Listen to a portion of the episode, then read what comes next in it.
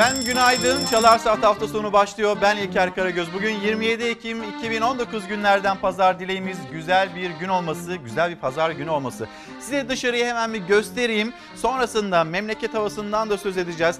Türkiye, Türkiye'nin önemli konuları, başlıkları, ekonomi hepsini konuşacağız ve bugün özel bir yayınla karşınızdayız. İstanbul'u görüyorsunuz. İstanbul'da biraz sisli, puslu, rüzgarlı, zaman zaman da yağmurlu bir gün beklentisi var. Memleketin havasını da aktarırız ama sıcak haberler onlara geçiş yapmak istiyoruz. Bölgede Türkiye sınırında bir terör yapılanmasına izin vermemek adına Barış Pınarı Harekatı'nı başlattı. Amerika Birleşik Devletleri ile bir mutabakat. Sonra Soçi'de Rusya ile bir mutabakat. Peki bu ülkeler üzerlerine düşeni yaptı mı? Cumhurbaşkanı Erdoğan'ın cümlelerine dönüp baktığımızda ya da sahaya dönüp baktığımızda hayır Amerika Birleşik Devletleri Tel Abyad'dan, Rasulayn'dan e, o teröristlerin çekilmesini henüz sağlayamadı. Yazılı bir e, bilgi, belge gönderdi ama teröristler hala orada. Nereden biliyoruz? Dün burada son dakika bilgisini paylaştık. Dün gün içinde yine yaşandı. Taciz atışları, orada Türk Silahlı Kuvvetleri e, gözlem, gözetleme, e, arama, tarama faaliyetlerini yürütüyor. Çünkü pek çok e, EYT, EYP yapılmış orada, el yapımı patlayıcılar yapılmış orada. Bunların bu tuzakların imhası için çalışmalarını yürütürken bir yandan da taciz atışlarına maruz kalıyor. Milli Savunma Bakanlığı misliyle karşılık veriyor ama Amerika Birleşik Devletleri üzerine düşeni henüz yapmadı dedi Cumhurbaşkanı Erdoğan. Ve bir başlık belirledik bugün. Bitti bitti. Erdoğan'ın cümlesinden çıktı. Bitti bitti bitmedi. Türkiye Cumhuriyeti üzerine düşeni yapacak. Yani Soçi mutabakatında da eğer ortaya teröristler 30 kilometre 32 kilometre derinliğe Suriye topraklarında bu derinliğe gitmezlerse Türkiye gereğini yapacak bu mesajlar verildi. Sabah gazetesi destek vermezlerse sınırları açarız. Cumhurbaşkanı Erdoğan'ın cümleleri e, Fenerbahçe Yüksek Divan Kurulu toplantısında mülteciler için Batı'yı uyardı. Açarız sınırları yürüsünler Avrupa'ya Türkiye'nin, Ankara'nın verdiği mesajlardan bir tanesi. Bakacağız, konuşacağız. Devam edelim. Sözcü gazetesi bugün Cumhuriyet coşkusunu da hep birlikte iki gün önceden de yaşamak istiyoruz. Çok özel bir misafirimiz olacak. Eğer daha önce denk gelmediyseniz, tanışmadıysanız sizleri Pınar Ayhan'la tanıştıracağım. İnanılmaz bir tarih anlatıcısı, müzikle, sanatla bir tarih anlatıcılığı burada canlı performans sergileyecek. Lütfen kaçırmayın. Sözcü gazetesinin manşeti Atatürk ve Cumhuriyet yürüyüşüne izin yok. Nevşehir Valiliği 29 Ekim öncesi skandala imza attı. Valilik Türk bayraklarının taşınacağı bayram yürüyüşüne milli güvenlik ve kamu düzeninin korunması gerekçesiyle izin vermedi. Pes doğrusu Sözcü gazetesinin de manşetinde. Bir diğer haber menzil tarikatı Sağlık Bakanlığı'nı ele geçirdi mi? Şeyh Saki Erol bu soruya doğru Recep Akta ki eski Sağlık Bakanı kendisi tanıyorum. Buraya yani parantez içinde menzile gelmiş gitmiş yanıtını verdi ve devam etti. Sağlık Bakanlığı menzil cemaatine bağlı diye liyakatsiz bir insan almışsa valla o doğru değildir. Genelleme yapıyorlar. Devlet işine baksın, devletini e, devletliğini yapsın. Cemaatte cemaatliğini. Menzil'in Buhara kolunun şeyhi Feyzettin Erolsa şöyle konuştu. 10 bakanın evimize geldiği günler oldu. Taner Yıldız ve Recep Akta bizim evimizde büyüdüler. İşte bu cümleler kuruluyor. Bu cümleler kurulurken de e, şeyhler, tarikatlar biz acaba 15 Temmuz'dan bir ders çıkarttık mı çıkartmadık mı bu sorularda akıllara geliyor. Gelelim bir diğer e, habere Sözcü gazetesini bitirelim. Türk Gün gazetesine geçiş yapalım.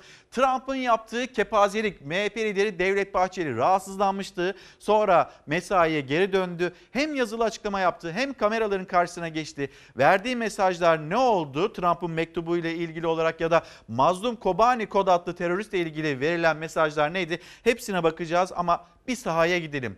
Bölgede çok sayıda tünel olduğunu biliyorduk. 200 kilometre, 300 kilometre bu tünellerin varlığından haberdardı Türkiye Cumhuriyeti. İstihbarat e, raporları da bunu söylüyordu. Ama Tel Abyad, Rasulayn bu bölge temizlenmeye çalışılırken ortaya çok çarpıcı manzaralar da çıktı. İşte bunun yeni görüntüleri.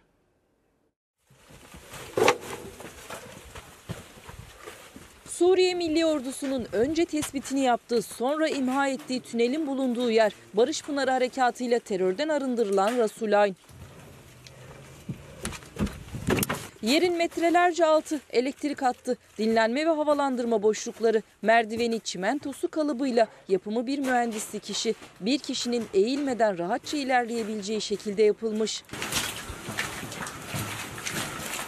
Türkiye'nin sınırında terör yapılanmasına izin vermeyeceğini açıkladığı günden beri bölgede teröristler tünel yapma ve kazma faaliyetindeydi. Hazırlanan tuzaklar ve tünellerin uzunlukları harekattan sonra ortaya çıktı.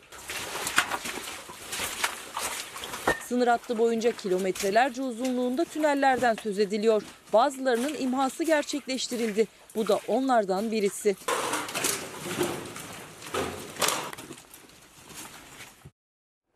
Yeni Çağ Gazetesi ile devam edelim. 29 Ekim 18'de gereken neyse yaparız. Soçi mutabakatını hatırlatan Bakan, Milli Savunma Bakanı Hulusi Akar, YPG 30 kilometre güneye doğru çekilecek. 150 saatlik süre 29 Ekim saat 18'de bitiyor. Şimdi takipteyiz. Duruma göre gereği neyse yapılır. Bu açıklamayı yaptı Milli Savunma Bakanı NATO e, Savunma Bakanları toplantısında yani Brüksel'de konuştu. Cumhurbaşkanı Erdoğan da İstanbul'dan verdiği mesajını Rusya'ya. Rusya gereğini yaptı ve bu bölgede e, teröristler çekildi çekildi. Terörist mevcudiyeti bitti bitti.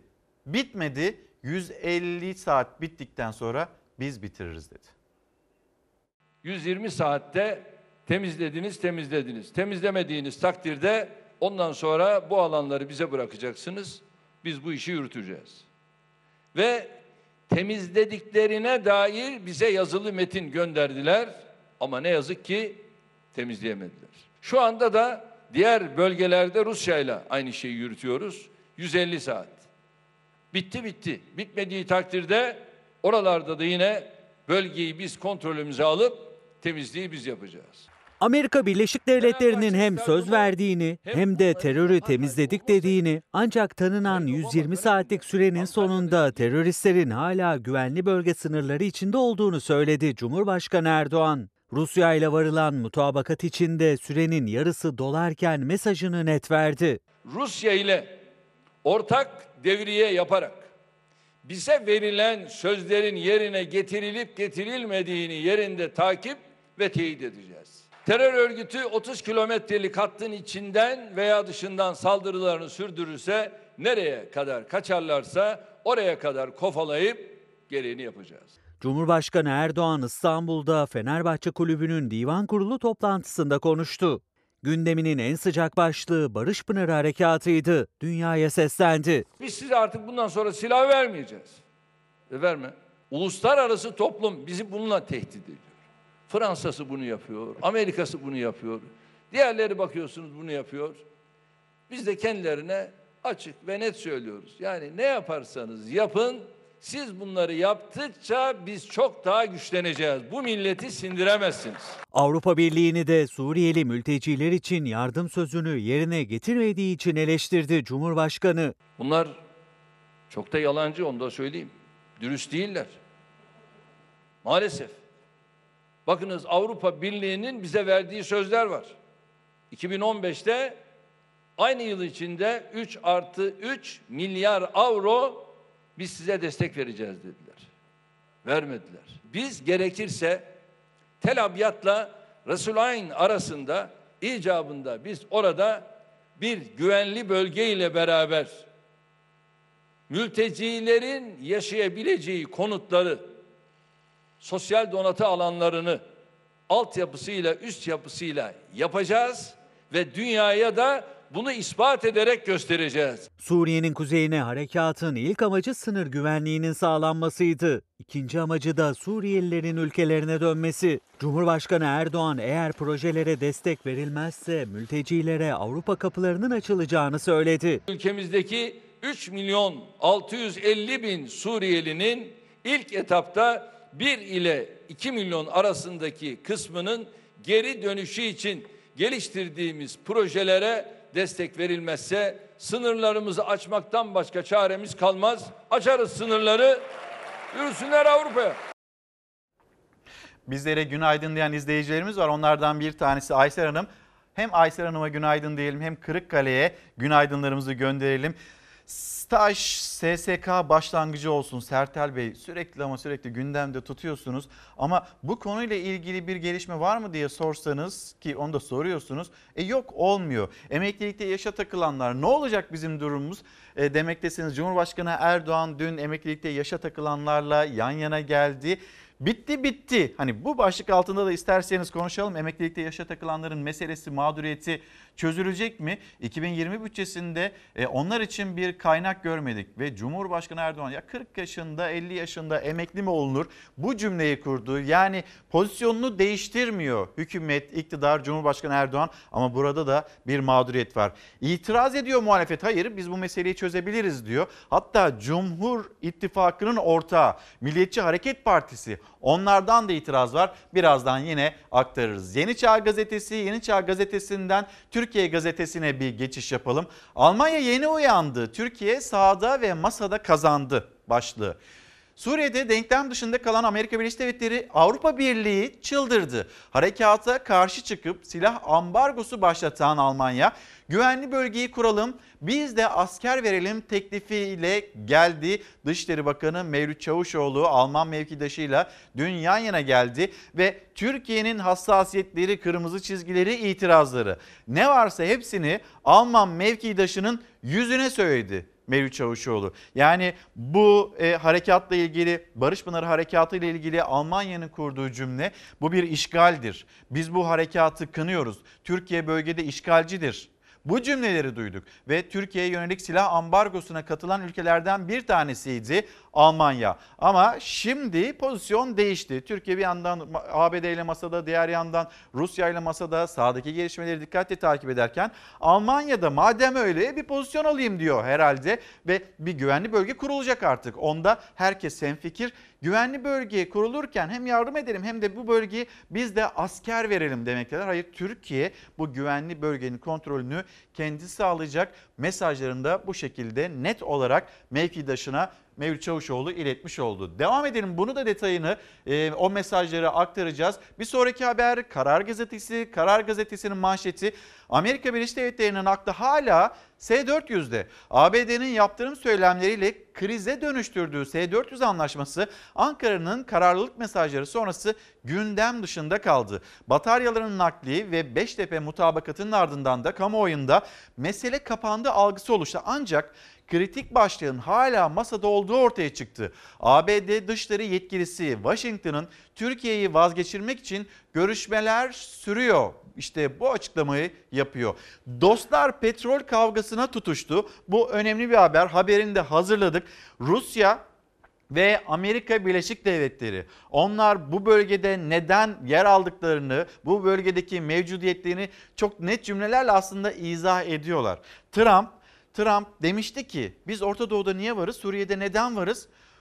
Çünkü petrol demişti. O haberi bir aktaralım. Dostlar Avrupa e, bir yandan Rusya, Amerika Birleşik Devletleri nasıl birbirine girdi? Aktaralım. Petrol güvence altına alındı. 20 yıldır Orta Doğu'yu yanlış adlandıranlar anlaşmadan ne elde ettiğimizi sorduğunda basitçe diyorum ki petrol askerlerimizi eve getiriyoruz DAEŞ kontrol altına alındı. Amerika Birleşik Devletleri hiç saklamadı, gizlemedi. Açıkça da Orta Doğu'da Suriye'de neden var olduğunu Başkanı Trump'ın ağzından duyurdu. Petrol için şimdi de nöbetini tutuyor. Amerika Birleşik Devletleri ordusu Suriye-Irak sınırında Deirizor ilinin güneydoğusunda Bağoz'da yeni bir üs kurmaya hazırlanırken Rusya çok kızgın. Amerika Birleşik Devletleri'nin petrol hırsızlığı yaptığını söylediler. Amerika Birleşik Devletleri petrol sahalarını işgal ederek devlet haydutluğu yapıyor. Daha önce petrolü terör örgütü YPG ile koruyacağını açıklayan Amerika Birleşik Devletleri ise tepkilere aldırış etmiyor. Trump'ın talimatıyla yaklaşık 30 zırhlı araçla bir grup asker Deirizor'daki El Ömer petrol sahasına konuşlandı. Bir başka grupta 332 petrol kuyusu olan Rumeylan'a yerleştirildi. Ve iki süper güç Rusya ve Amerika Birleşik Devletleri Suriye topraklarında petrol kavgasını tutuştu. Amerika Birleşik Devletleri ve Rusya arasında böyle bir gerilim, bir petrol gerilimi yaşanırken Trump dün Türkiye saatiyle 4.30 sabah 4.30 civarında bir sosyal medya paylaşımında bulundu. Ve bütün dünya Trump'ın ne demeye çalıştığına dikkat kesildi. Hemen bir getirelim ekranlarınıza. Dedi ki Trump something very big has just happened. Yani çok büyük bir şey oldu diyor. Ama bu cümlesini de ünlemle bitiriyor. Ne olduğunu devamını getirmedi ve herkes ama herkes Trump'ın ne açıklayacağına dikkat kesilirken NTV'nin Washington temsilcisi Hüseyin Günay gazeteci arkadaşımız Trump tweet attı ve büyük bir şey oldu dedi. Ardından Beyaz Saray Başkanı'nın önemli bir konuda açıklama yapacağı bildirisi bu bildirildi. Türkiye saatiyle 16'da gözler e, Beyaz Saray'da yapılacak olan o açıklamada olacak. Öncesinde ABD'nin İdlib'de IŞİD lideri Bağdadi'ye operasyon yaptığı duyumları vardı. Tahmin Trump Bağdadi'nin öldürüldüğünü açıklayabilir.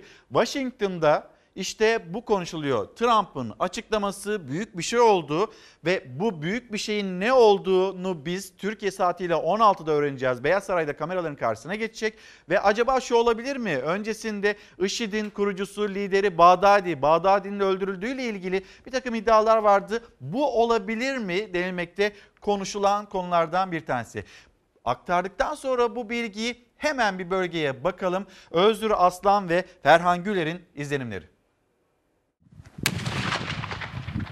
Teröristlerin çekilmesi için verilen süre 150 saat ve zaman hızla akıyor. Ankara son uyarısını Milli Savunma Bakanı Hulusi Akar'ın ağzından yaptı. 150 saat dedik. O zamana kadar biz e, olayları yakinen takip ediyoruz.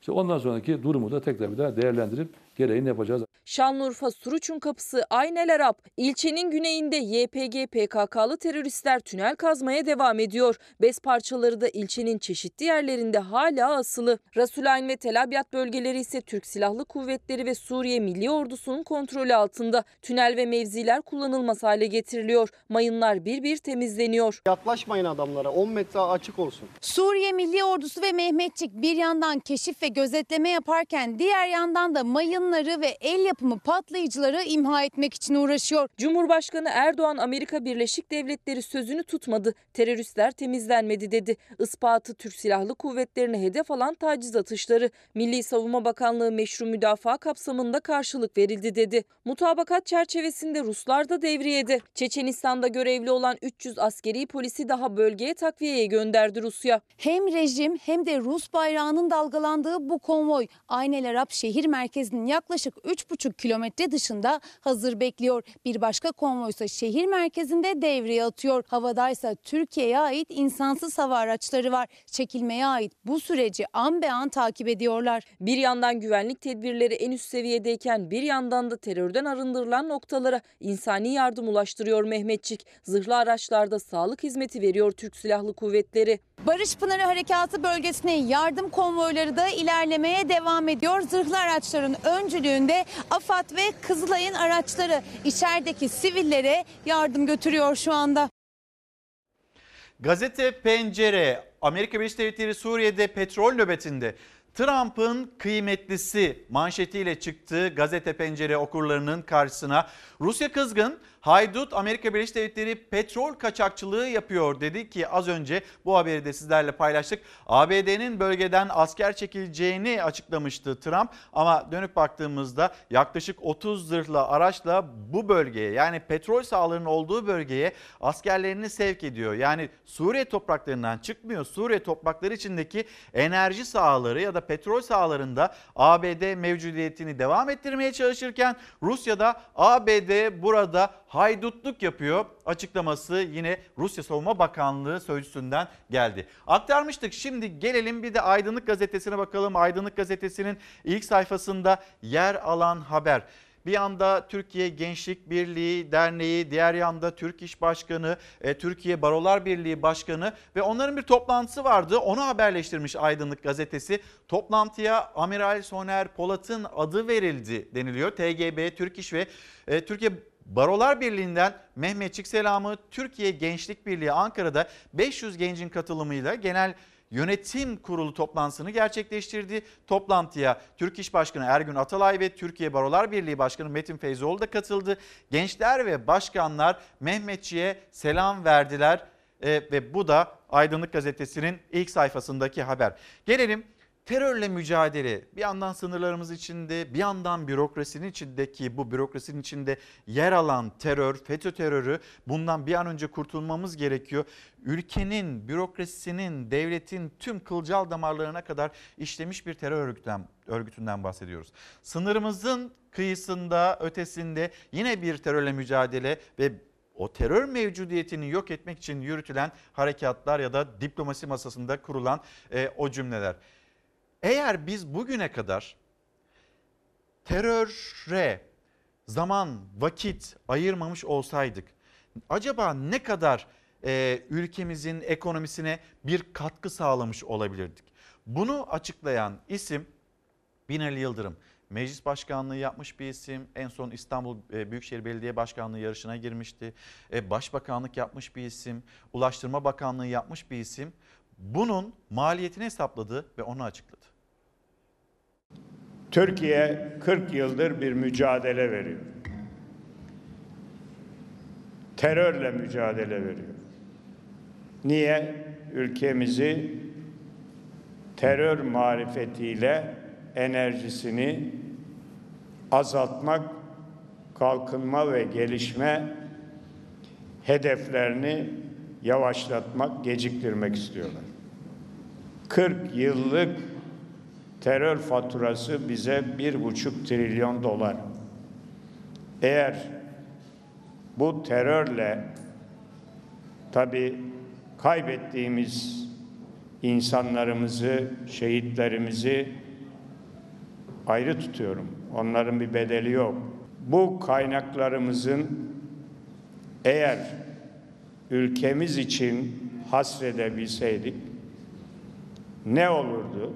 Misal vermek gerekirse yılda dört tane İstanbul Havalimanı, 20 tane Yavuz Sultan Selim Köprüsü ve 6 tane İstanbul İzmir otoyolu Osman Gazi Köprüsü yapabilirdik. 2 tane affedersiniz 8 tane Marmaray projesi gerçekleştirebilirdik.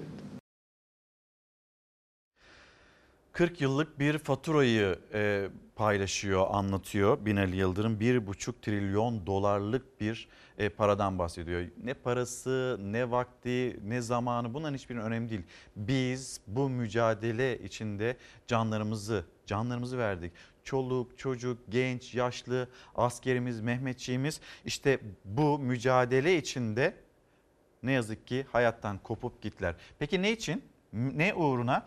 ABD bunu çok net bir şekilde, küstah bir şekilde, basitçe anlatabiliyor. Biz Suriye'deyiz çünkü petrol var orada ve Suriye'den çıkmayacağız. Orada askerlerimizi çekmeyeceğiz. Bu cümleleri çok basit bir şekilde kurabiliyorlar. Rusya geliyor kendisiyle alakası olmayan bir toprak Suriye topraklarında Amerika Birleşik Devletleri'ne haydutluk yapıyorsun. Sen petrol kaynaklarını e, alıyorsun ya da işte aktarıyorsun bu cümleyi kurabiliyor. Peki Rusya sen ne arıyorsun orada? Bir başka egemen ülke Suriye topraklarında senelerdir, yıllardır ne yapmaya çalışıyorsun? Nasıl var olabiliyorsun? Kendisine bakmadan ABD'yi eleştiriyor. Ve iki dost yani öyle söyleniyor ama e, dostlukları da işte soğuk savaş dönemi geçirdiler. Çok da dost diyebileceğimiz ülkeler değil aslında. Bu iki emperyal güç bunu söylemek daha doğru olacak karşı karşıya geldiler. Onları karşı karşıya getiren de yine enerji, petrol başka bir şey değildi. Sıradaki haberimiz yine bölgeden ayrılmayalım. Irak'tan e, ne yazık ki korkunç bilançolar, korkunç haberler gelmeye devam ediyor. Irak'taki olaylara da hep birlikte bir bakalım istiyoruz.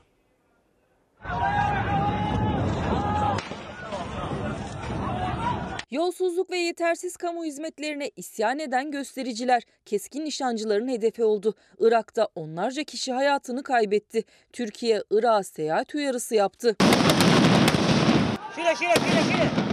Irak'ta Ekim ayı başlarında patlak veren bir haftada yaklaşık 200 kişinin hayatını kaybettiği protestolar yeniden başladı. Başkent Bağdat ve ülkenin güney şehirlerinde göstericiler hükümetin istifası için sokağa çıktı.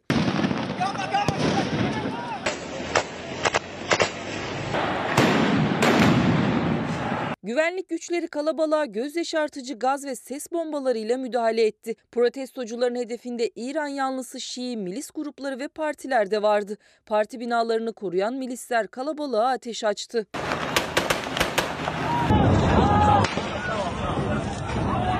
Son 36 saatte çatışmalarda ölenlerin sayısı 63'e yükseldi. 2500'e yakın kişi de yaralı.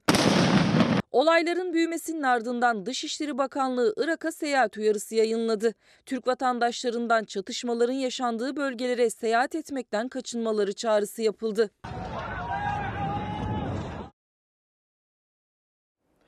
Sizlerden gelen mesajlara da bir bakalım. Bahadır Dizman, günaydın. Türkiye'de tüm sorular, sorunlar bitti bitti. Ekonomi uçuyor, emekli maaşını alıp geziyor, emekçiler hakkını sonuna kadar alıyor. Emeklilikte yaşa takılanlar da çok mutlu. Günaydın. Rüyamda gördüm ve sizinle de paylaşmak istedim demekte. Koray Bey kamuda kiralık araç şoförlerini hatırlatıyor. Onlara kadro verilmedi, taşeronun insafına terk edildiler. Yeni ihalelerde işsiz kalanlar var ve burada e, ikircikli bir tavır sergilendi. Bizler de yani kadroya geçemeyenler de e, kadroya geçmek istiyoruz diyorlar ve bunu hatırlatıyorlar. Taşeronda aslında sözler verildi. Taşeronda herkese verilen o söz bazıları için geçerli olmadı. Yaklaşık 70 bin 80 bin kişi e, kadroya geçemedi ve bunun mağduriyetini yaşadıklarını söylüyorlar. Nabi Bey günaydın. ABD ve e, Rusya iki çocuk gibi kozlarını paylaşsınlar o coğrafyada topraklarda diyorlar. Tamam bazen insanın içinden öyle demek geliyor.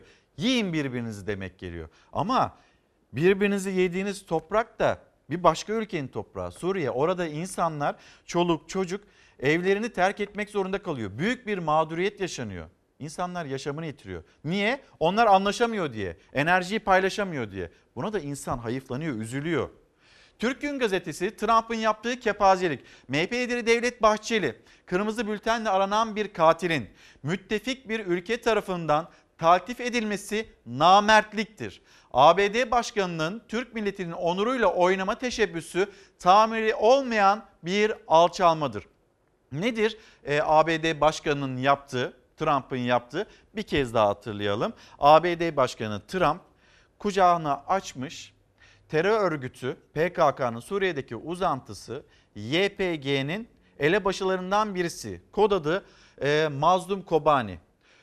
Onu bekliyor. Washington'da sizi ağırlamak için büyük bir heyecan duyuyorum diyor. E, Türkiye, Türkiye ABD'ye bir nota verdi. Kırmızı bültenle 196 ülkede aranan bir kişiyi siz Washington'a Amerika Birleşik Devletleri'ne davet edemezsiniz. Sizinle yani ABD ve Türkiye arasında suçluların iadesi anlaşması var.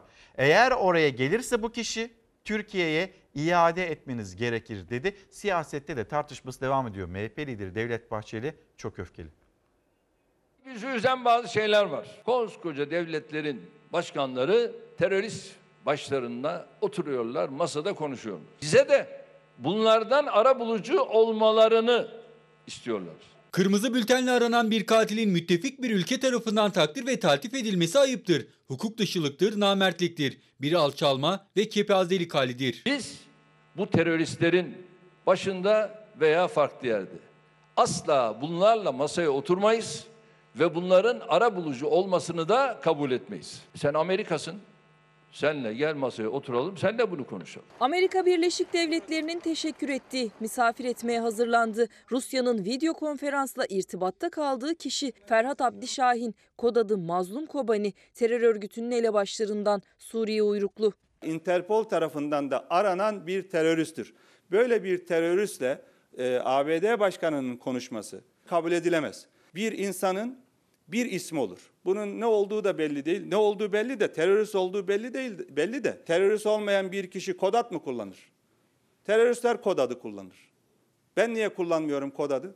Mike Pompeo'ya tüm bunları anlattığımda işin ciddiyetini anladı. Kod adı Mazlum, asıl ismi canavar olan YPG'li terörist başına metiye düzen ülkesine davet eden Trump nefret ve melanet virüsüne yakalanmıştır. Çocuk, kadın, yaşlı, sivilleri hedef alan saldırılar, Mehmetçiğe kurulan tuzaklar, pusular, kırmızı bülten ve suç dosyası kabarık eli kanlı bir terörist o. 2013'ten beri PKK'nın Suriye uzantısı YPG saflarında. Oysa 90'lı yılların başından beri Kandil kadrosunda. Unutturulmak isteniyor ama terörist başı Öcalan'ın manevi evladım dediği Ferhat Abdi Şahin pek çok PKK saldırısının emir ve talimatını verdiği için 196 ülkede kırmızı bültenle aranıyor. Bunu doğru bulmuyoruz.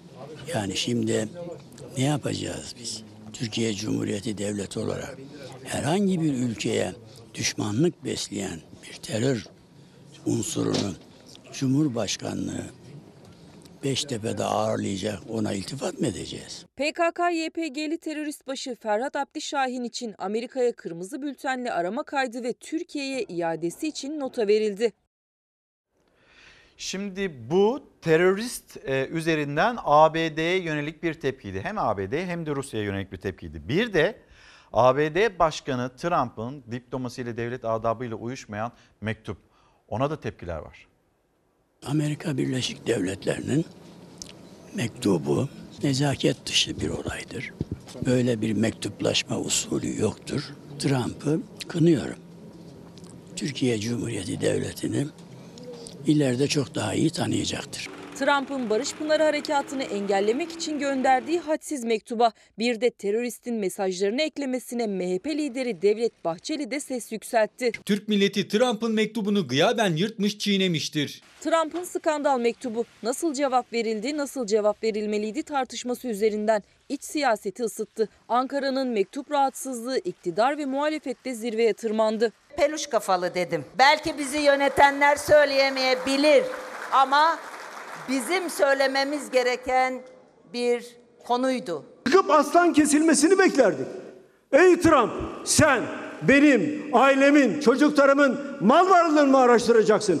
Araştırmazsan namertsin diyeceksin. Ne yapsın yani?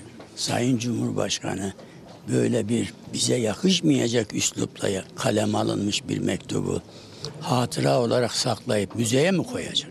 Amerika Birleşik Devletleri'ne iade etmesi en doğru yoldur. Türkiye Cumhurbaşkanı'nın boynuna bir kement atıldığı zaman sadece Sayın Erdoğan'ın boynu değildir. Türk milletinin boynuna atılmış bir kementtir.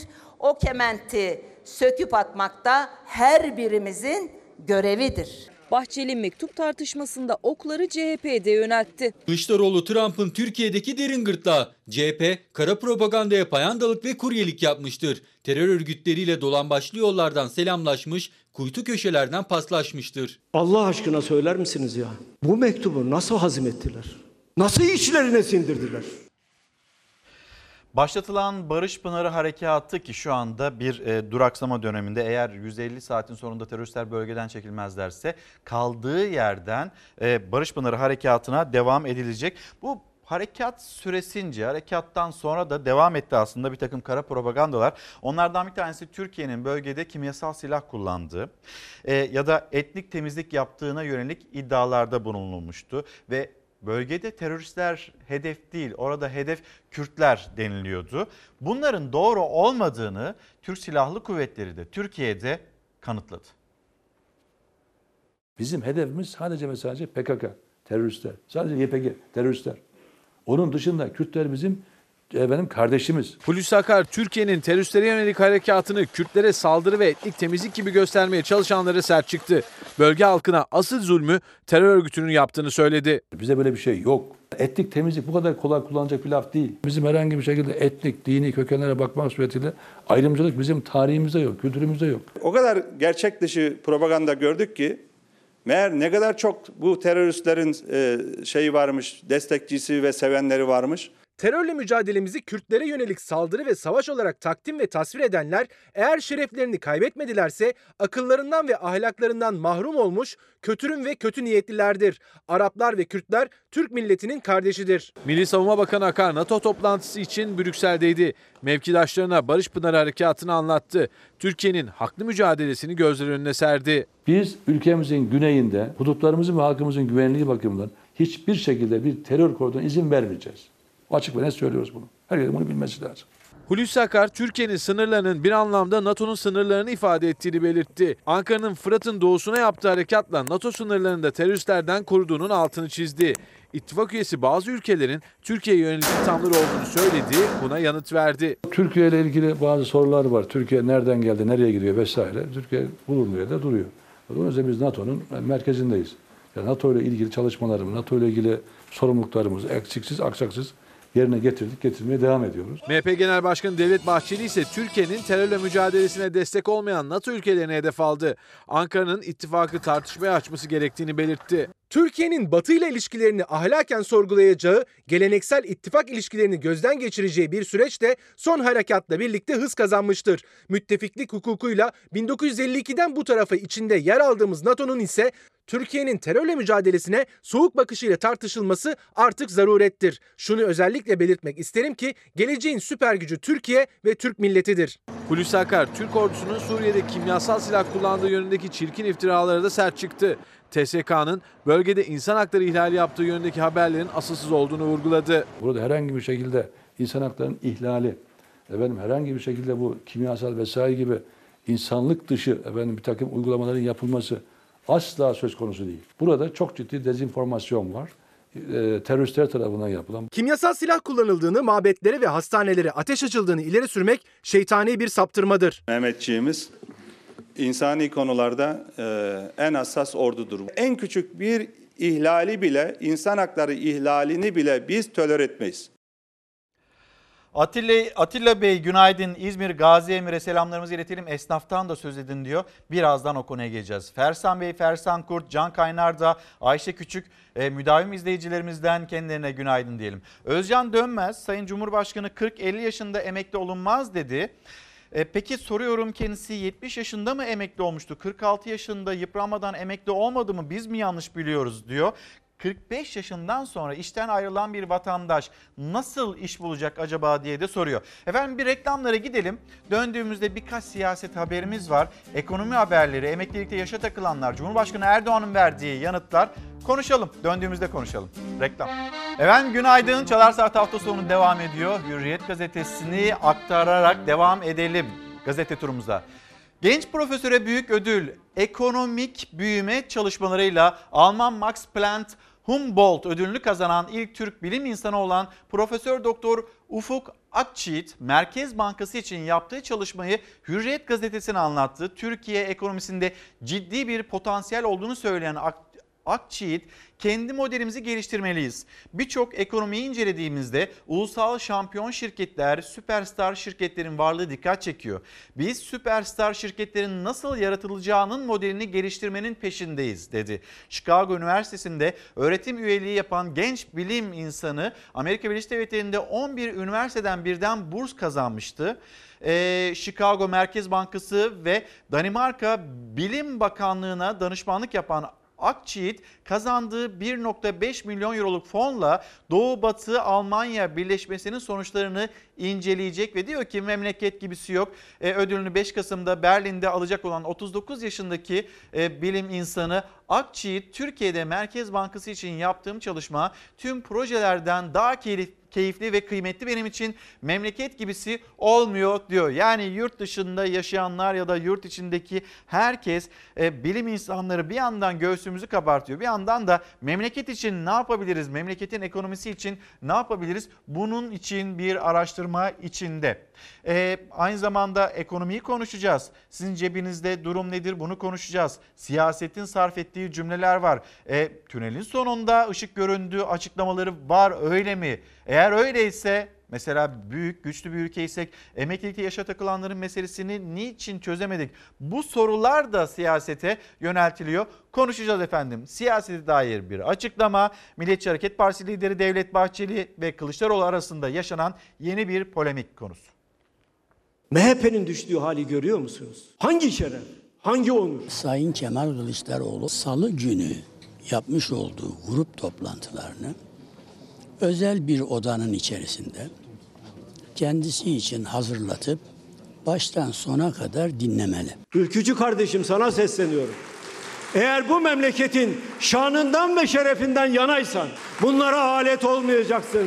Bunların ipiyle kuyuya inmeyeceksin. Son günlerde bazı ülkelerde toplumsal hareketler oluşuyor. Bunların hepsi iktidara karşı bir toplumsal hareket başlatmaya çalışıyor. Bu toplumsal hareketi başlatma yeteneği, cesareti, kadrosu Kemal Kılıçdaroğlu'nda yoktur. 34 günlük tedavisinin ardından siyasi arenaya yine sert mesajlarıyla döndü Bahçeli. İlk mesaisinde de sözünü esirgemedi. Hedefindeki isim CHP lideri Kemal Kılıçdaroğlu'na zehir zemberek sözlerle yüklenirken Cumhurbaşkanı Erdoğan'a övgüler dizdi. Sayın Recep Tayyip Erdoğan'ın almış olduğu karar Doğu ve Batı bloklarından Türkiye'nin milli çıkarlarını koruyacak bir dik duruşu, kararlılığı ortaya koymasıdır. Barış Pınarı Harekatı, Amerika-Türkiye hattında yaşanan mektup krizinden Cumhurbaşkanı'nın tavrına kadar bütün sıcak başlıklar gündemindeydi Bahçeli'nin.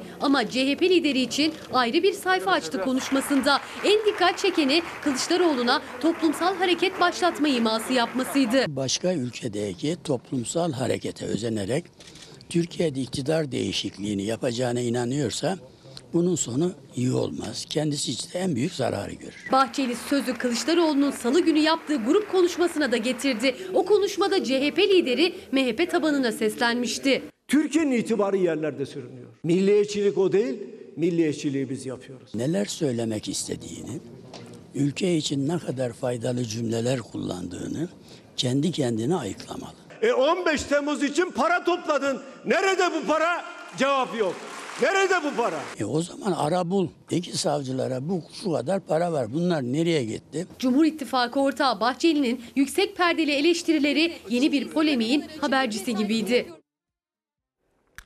Aralık ayı itibariyle siyasette e, biraz daha böyle sıcak günlerin yaşanacağı iddiaları e, kulislerde hayli konuşulur oldu. AK Parti'nin içinden iki parti çıkacak. Onlardan bir tanesini Ahmet Davutoğlu AK Parti'nin eski başbakanlarından bir tanesi o kuracak. Diğer tarafta Abdullah Gül destekli Ali Babacan ekibi acaba AK Parti'nin içinden milletvekilleri alacaklar mı almayacaklar mı? Biz bunu Aralık ayında göreceğiz. Bir kabine revizyonu, teşkilatlarda bir yenilenme AK Parti için söz konusu olacak. E, Binali Yıldırım mesela İstanbul Büyükşehir Belediye Başkanlığı'na aday oldu. Meclis Başkanlığı'nı bırakıp ne olacak? Siyaset sahnesinde biz onu görmeye devam edecek miyiz? Öyle gözüküyor ve ihtimalin de çok güçlü. Önümüzdeki günlerde belki yine Aralık ayı içinde Binali Yıldırım başkan yardımcısı olarak atanabilir. Bu mevkiye başka isimlerin de e, geçtiğini söylemek mümkün. İçişleri Bakanı Süleyman Soylu onlardan bir tanesi. Dışişleri Bakanı Mevlüt Çavuşoğlu yine başkan yardımcılığı için e, düşünülen, kulislerde konuşulan isimlerden, adı geçen isimlerden e, diyelim yani Aralık ayında hareketli bir siyaset sahnesini göreceğiz. Devam edelim yine siyasetten. CHP lideri Kemal Kılıçdaroğlu dün bir e, park açılışı vardı e, Kartal'da ve Kartal'da aslında Kılıçdaroğlu yeni siyaset tarzlarının, yeni siyaset stratejilerinin nasıl olacağını anlattı. Belediye başkanı arkadaşlarıma şunu söyledim. Size oy versin vermesin. Hiçbir ayrım yapmayacaksınız. Beldede bulunan bütün vatandaşları kucaklayacaksınız. Herkese eşit hizmet götüreceksiniz. Kendi paranızı harcamıyorsunuz. Harcadığınız para milletin ödediği para. Yeni bir siyaset anlayışını başlatıyoruz. Yeni bir siyaset. Halka saygılı, hesap veren, hesap verir, verirken de verdiği hesap dolayısıyla onur duyan, halkına güvenen, belde halkına güvenen yeni bir anlayış. Kavgadan uzak, beraber yaşamayı ilke edinen bir anlayış. Hiç kimseyi ötekileştirmeyen, inancı ne olursa olsun, kültürü ne olursa olsun, yaşam tarzı ne olursa olsun, kimliği ne olursa olsun, herkesi kucaklamak bizim temel görevimizdir. Türkiye Gazetesi'ne birkaç böyle cümleyle e, geçtik. Bir kez daha bakalım. Almanya yeni uyandı. Türk Suriye'de denklem dışında kalan Avrupa Birliği çıldırdı. Harekata karşı çıkıp silah ambargosu başlatan Almanya güvenli bölgeyi kuralım biz de asker verelim teklifiyle geldiği Mevlüt Çavuşoğlu'yla Alman mevkidaşı dün bir görüşme gerçekleştirdiler. Bu konuyu birazcık bekleteyim bir terörle mücadele sadece bugün değil senelerdir işte Binali Yıldırım açıkladı 40 yıldır devam eden bir terörle mücadele. Eğer böyle bir durumla karşı karşıya kalmasaydık Türkiye'nin ekonomisi 1.5 trilyon dolar bunu kaybetmeyecekti. Zaman ya da bu meblalar bunlar önemli değil. Biz insanımızı, canlarımızı kaybetmeyecektik. Bu çok önemli. Bir de terörle mücadele eden ve sonrasında gazi olan, yaralanan, gazi olanlar var. Onlarla ilgili de e, saygıda kusur etmememiz gerekiyor. Zaman zaman görüyoruz otobüslerde ya da sokakta ne kadar büyük haksızlıklar yapılıyor. Ama uğradıkları haksızlıklar sadece bununla sınırlı değil. CHP milletvekili Murat Emir gündeme getirdi. Gazilerimizin yaşadığı bir problem var ve bunun da çözülmesi gerekiyor. Paylaşalım. gazilerimizin protezlerini alabilmek için 8 ay kadar beklemeleri ve Türkiye'nin her yerinden Ankara'ya kadar Ankara'ya gelmek zorunda kalmaları asla kabul edilemez. CHP Ankara Milletvekili Murat Emir meclis gündemine taşıdı bu iddiayı. İddiasına göre gazilerimiz protez ve ortezlerini almak için Ankara'ya gitmek zorunda. 2017 yılına kadar ortez ve protezlerini Türkiye'nin her yerinden alabiliyorlardı. Ancak sa- sağlık uygulama tebligatında yapılan bir değişiklikle maalesef gazilerimiz protezlerini al- alabilmek için Ankara'ya kadar gelmek zorundalar. Emir meclise bir kanun teklifi verdi. Bu teklifte gazilerin bu protezler için aylarca beklediğine de değindi. Protezlerini alabilmek için neredeyse 8 ay kadar beklemek zorundalar. Ayrıca bu protezleri neredeyse bir tek firmadan temin edebildikleri için de fahiş fiyatlara e, alınabiliyor ve e, SGK'da e, önemli bir zarara uğruyor. Teklifte tek firmadan ithalat yapıldığını, ithalatçı firmada fiyatlarını yükselterek 20 bin lira maliyetli bir ortez ayak SGK'ya 50 bin liraya mal olmaya başlamıştır denildi. Biz yaptığımız bir kanun teklifi değiş kanun teklifiyle önerdiğimiz bir kanun teklifiyle bu e, yanlışlığın giderilmesini ve gazilerimizin bulundukları illerde protezlerine e, hızlı bir şekilde ulaşabilmelerini sağlıyoruz. Ve Almanya'ya verilen mesaj. Barış Pınarı Harekatımıza e, Alman kamuoyundan, siyasi partilerden ve medyasından gelen ölçüsüz tepkiler nedeniyle maalesef e, güvenimiz sarsıldı. Aramızda önemli görüş ayrılıkları var fakat böyle bir durumda konuşmamız lazım. Birbirimiz hakkında değil ciddi bir diyaloğa ihtiyacımız var. Barış Pınarı Harekatı için kınıyoruz diyen Alman mevkidaşıyla buluşmasında söze güvenimiz sarsıldı diye başladı. Dışişleri Bakanı Mevlüt Çavuşoğlu tepkisini bu kez yüz yüze iletti, müttefikliği hatırlattı. Bir müttefik olarak, bir dost olarak Almanya'dan beklentimiz teröre karşı mücadelemizde bizimle dayanışma e, içinde hareket etmeleridir. En son havaalanlarında yine uçağa binmek isteyen e, insanlara da teröristlerin ve onların yandaşlarının nasıl muamele ettiğini e, görüyoruz. Biz Türkiye ile bu diyaloğu sürdürmek istiyoruz. Almanya için Türkiye çok önemli bir NATO müttefikidir. Türkiye Amerika Birleşik Devletleri ve Rusya ile anlaşmalar yaptı, güvenli bölgenin temelini attı. Almanya ise Savunma Bakanı'nın ağzından uluslararası güçlerin kontrolünde bir güvenli bölge oluşturulmasını önerdi. Çavuşoğlu itiraz etti. Öncelikle Almanya kendi içinde bu konuda anlatsın. E, farklı görüşlerin olduğunu görüyoruz. Askeri bir güvenlik bölge e, oluşturma konusu gerçekçi de değil. Artık e, bu bölgede e, yukarılara gelen rejim var, Rusya var, diğer aktörler var. Bir diğer önemli başlık mülteciler. Başta Almanya, bütün Avrupa ülkeleri Türkiye'nin kapıları açıp Suriyeli mültecilerin ülkelerine gelmelerinden tedirgin.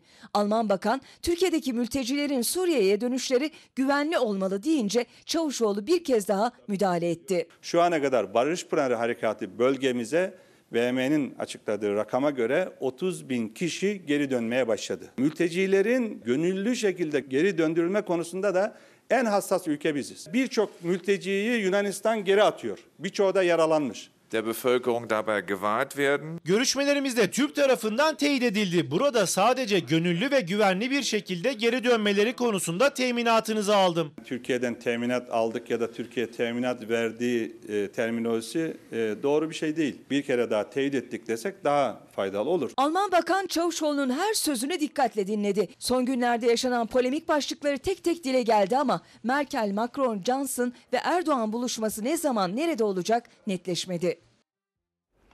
Efendim gelelim emeklilikte yaşa takılanlar meselesi Cumhurbaşkanı Erdoğan'la bu mağduriyeti yaşayanların, yaşayanların arasında geçen diyaloğa. Ama Yani Cumhurbaşkanı Erdoğan bu cümleyi kurarken Cumhur İttifakı'nın diğer partisi, diğer ortağı Milliyetçi Hareket Partisi Erdoğan gibi düşünmüyor.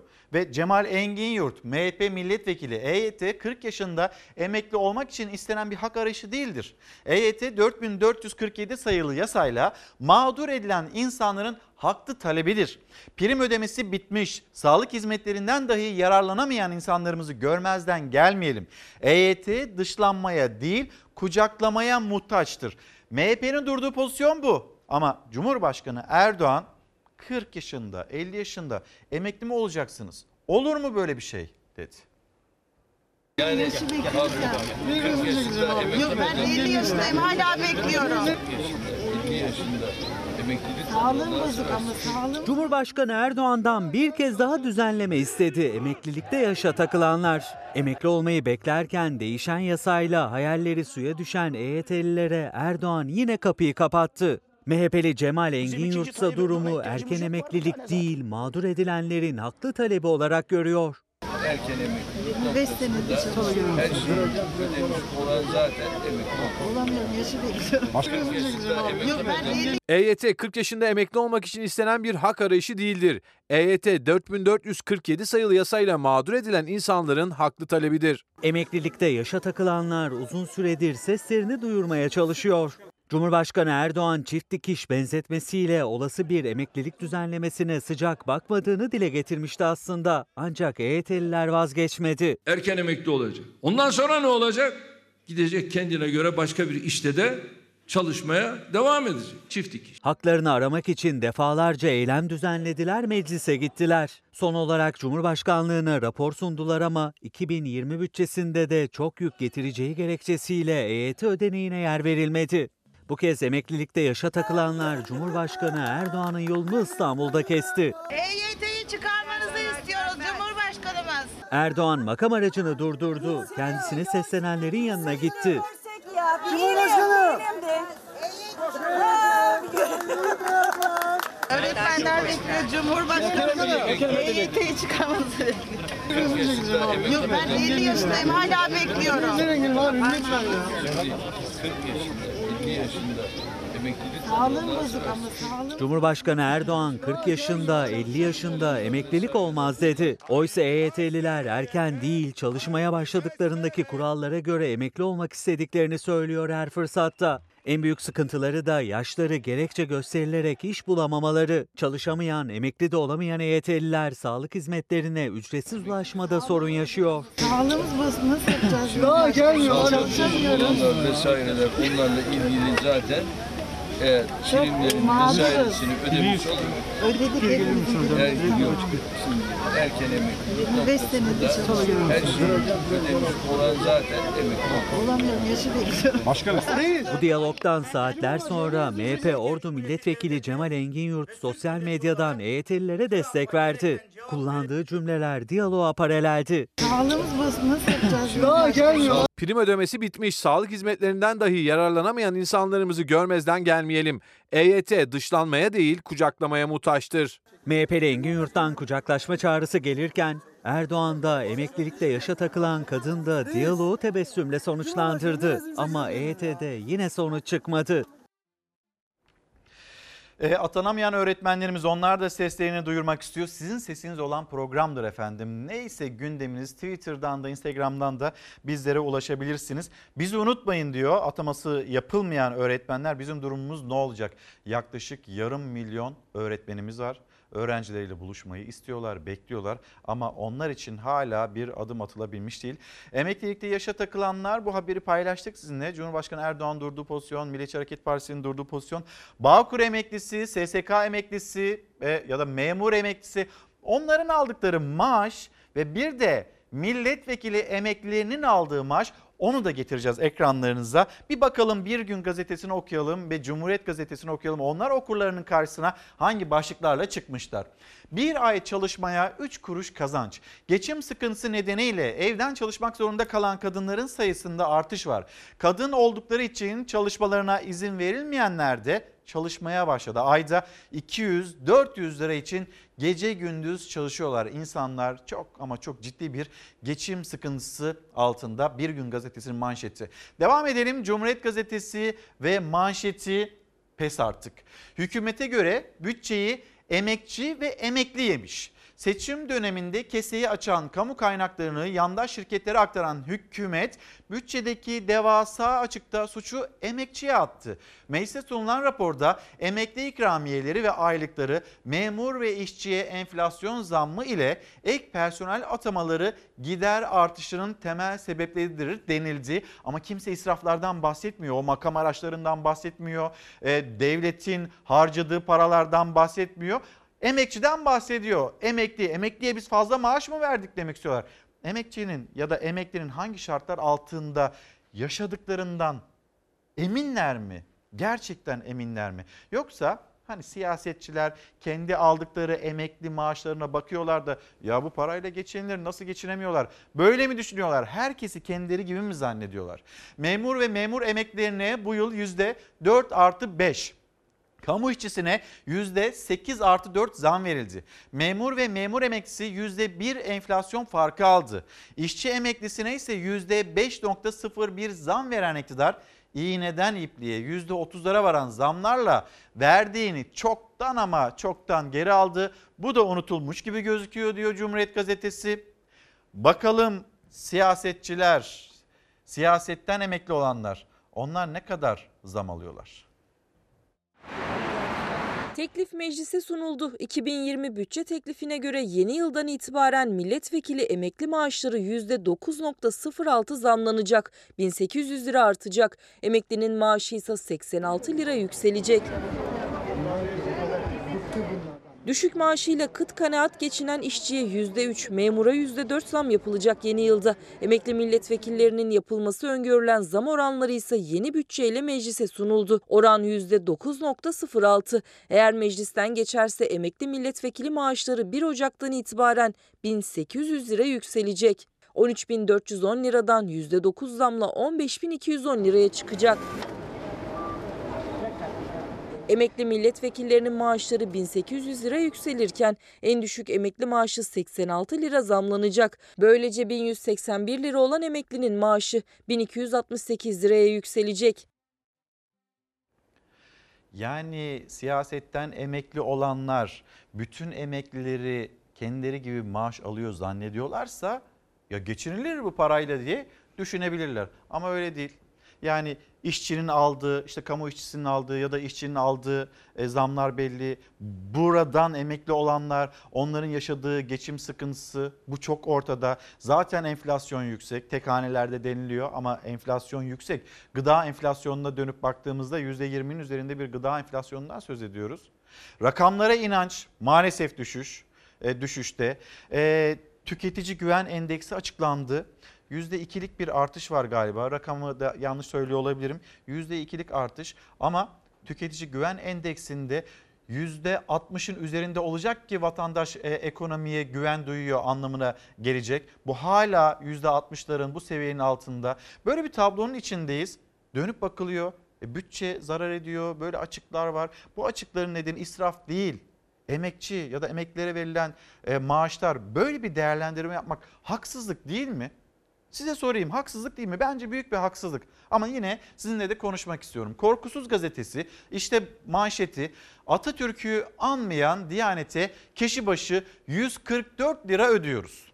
Son olarak geçen Cuma hutbesinde Cumhuriyet ve Atatürk'ün adını anmayan Diyanet İşleri'nin 2020 bütçesi %10 artışla 11 milyar 519 milyon lira oldu. Bir de artık böyle Diyanet Atatürk'ü anıyor mu bu ülkenin kurucusunu, silah arkadaşlarını anıyor mu, anmıyor mu? Galiba bu haberlerin de haber değeri kalmadı. Diyanet anmıyor.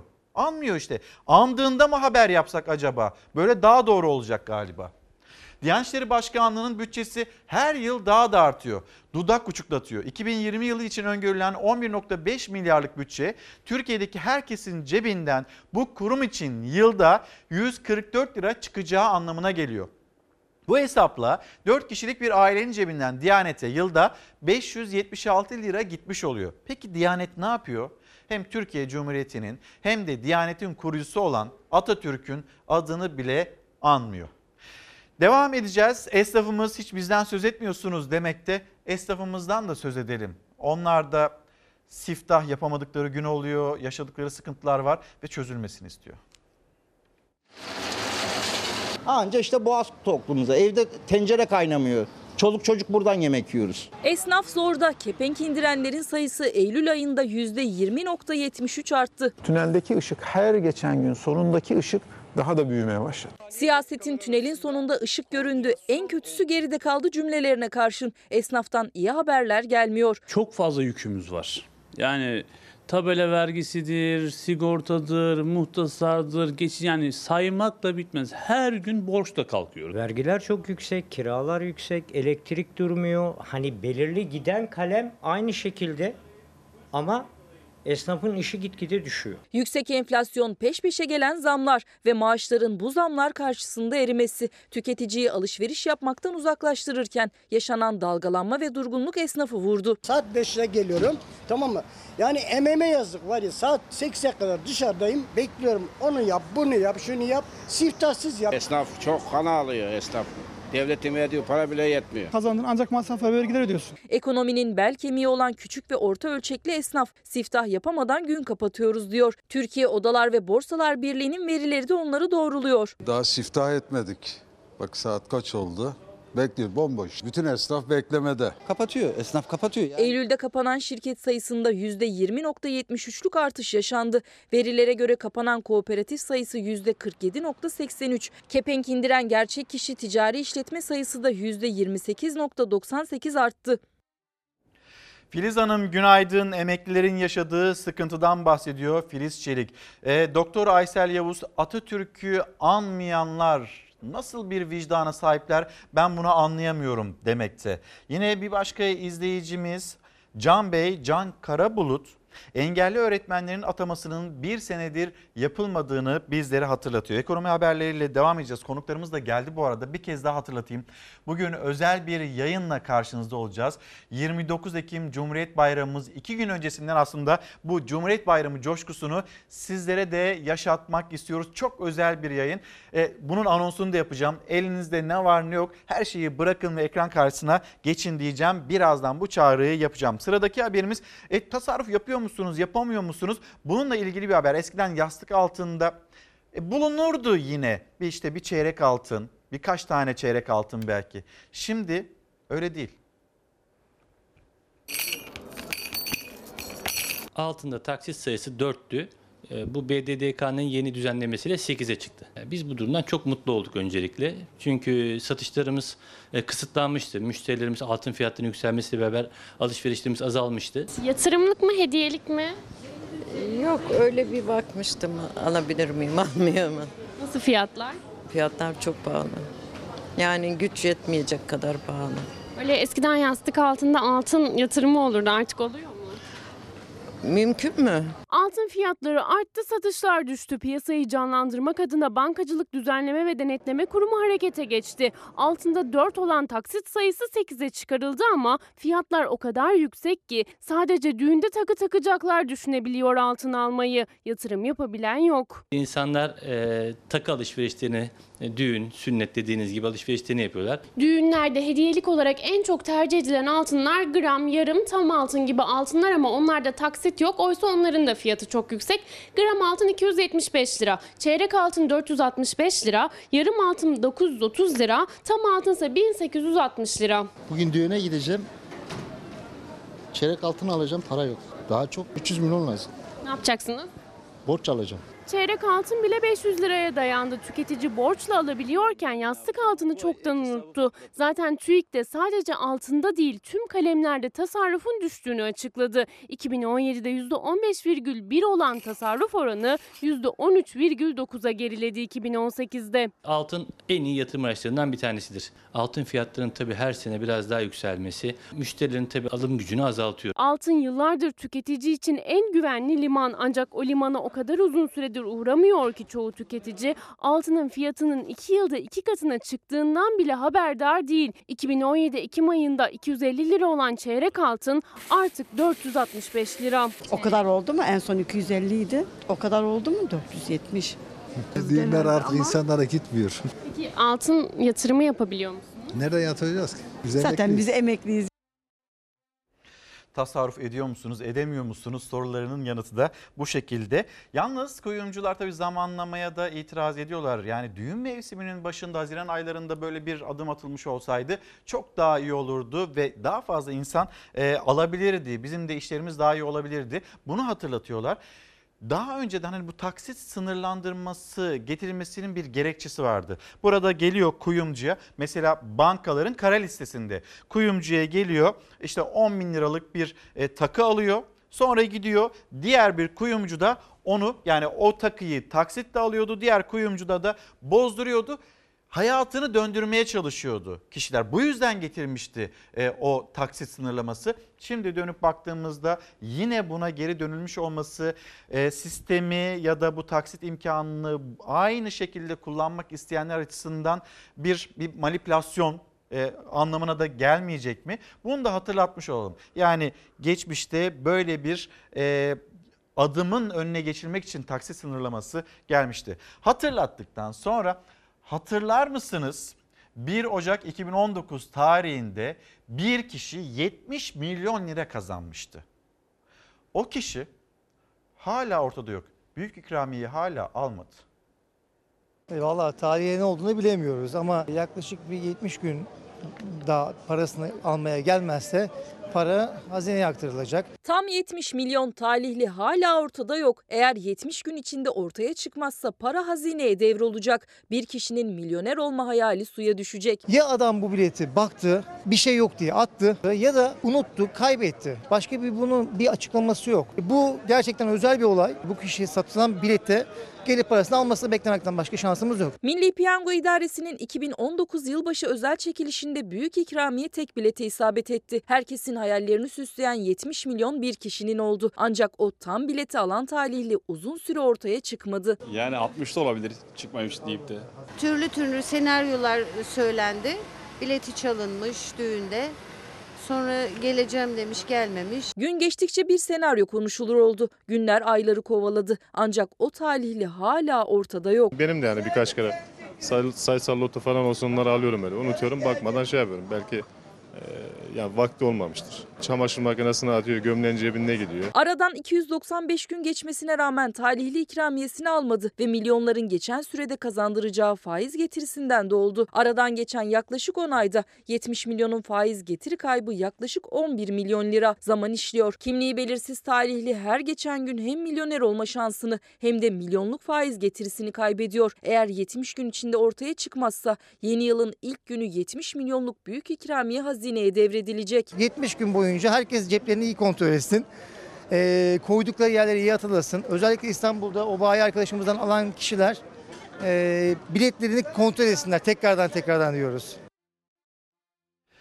Emrah Bey, Vasfiye Hanım İzmir'de ekran karşısındalarmış. Onlar da iki ay sonra yavrularını kucaklarına alacaklar. Bir kız bebekleri olacakmış. Bunun bilgisini, mutluluğunu bizimle paylaşıyorlar. Günaydınlarımızı iletelim. Çiftçimiz diyeceğiz. Esnafımıza baktık, emeklimize baktık. Çiftçimiz diyeceğiz. Çiftçimiz o desteklerden faydalanıyor mu? Ya da o destekler yeterli mi? Dönüp baktığımızda 2017, 2018, 2019 yılında sadece gübre desteğine dönüp baktığımızda her yıl aynı. 4 liralık bir destek veriliyor. Ama gübre, gübre ne kadar zamlandı? Bu desteği verenler acaba bunu da düşünüyor mu? Devletimiz 2020 tarımsal desteklerini açıklamış ama sadece mazota burada bir fark vermiş. Biz diğerlerinde fark göremedik. Gecikince herhalde çok önemli destekler, çok önemli çalışmalar olacak. Çiftçi bu nedenle bekliyor diye düşünmüştük ama bu destekler yıl başında da açıklanabilirdi. Yani aynı zaten. Mart ayında açıklanması gereken 2019 tarım destekleri Ekim ayının son haftasında açıklandı. Heyecanla bu açıklamayı bekleyen üretici ise hayal kırıklığına uğradı. Sadece mazot desteğinde artış var. Gübre ve prim destekleri 2018 ile hatta 2017 ile aynı kaldı. Masrafımız çok. İlaç, gübre çok maliyetli bunlar. Mazotun altından kalkamıyoruz bir kere. Çiftçi Çiftçinin 2018'den 2019'a maliyetleri kalem kalem arttı. Gübre, ilaç, mazot, tohum hepsi zamlandı ama destekleri artmadı. Ne gübre desteği ne de prim desteği 2018'den 2019'a değişmedi. Haliyle mazota gelen destek zammı da çiftçinin nefes almasına yaramayacak. 19 lira dönümde mazot desteği açıklanmış. Biz 6,5'a şu an mazot alıyoruz. Yani aşağı yukarı 3 litre mazot oluyor bu parayla. 3 litre mazotla bu traktör tarlanın diğer ucuna gitmiyor. 2020 yılında ödemeler yapılacağı için 2018'in sonbaharında mazot kullanarak ekim yaptı, hasat yaptı. Bu kadar e, o dönemki fiyatlarla harcama yaptı ve destek de ona göre hesaplandı. Ama bunun ödemesi bir yıl sonra olunca çiftçi orada da ciddi bir e, kayba uğruyor. Mazot desteğine gelen zam yetersiz. Gübre ve prim desteği ise aynı. Önceki senelerde zaten zorlanan üretici beklediğini bulamadı. 3 yıldır üst üste gübre desteği hep 4 lirayla sabit. Yani gübre fiyatları bu kadar çok artıyor. Prim desteklerine baktığımızda da buğday, arpa, çavdarda yine 5 kuruş olan kilo başına destek 10 kuruşa çıkarıldı ama diğer desteklerin hepsi aynı e, kaldı. E, verimlerimiz düşük oluyor. Gübreyi zamanında alıp e, istediğimiz kadar atamıyoruz pahalılıktan. Buğday üretimi tamamlayana kadar 80 kilogram gübre atıyoruz tarlalara. Fakat devletin bize vermiş olduğu destek miktarı 8 lira. Üstelik yetersiz kalan bu desteklerin çiftçiye ne zaman ödeneceği de belli değil. Desteklerin açıklanması o kadar çok gecikti ki daha bunun bir de uygulama tebliği yayınlanacak ve ondan sonra destekler uygulanmaya başlanacak. Tarım Bakanımıza sesleniyorum. Türk çiftçisinin arkasında dursunlar. Yoksa çiftçi batak durumunda. Ankara'dan Kayhan Bey ve kızı Zeynep günaydın. Zeynep şu anda kursa gitme hazırlığındaymış. Gözü de bir yandan memlekette ne oluyor bu haberleri takip ediyormuş. Zeynep e, bence sen kursa git ve memlekette ne olup bittiğini de baban sana anlatsın. Günaydınlarımızı iletelim Ankara'ya ve sizleri Rize'ye götürelim. Ya kardeşlerimizi karşımıza niye dikiyorsunuz ya? Kendi yerim mi?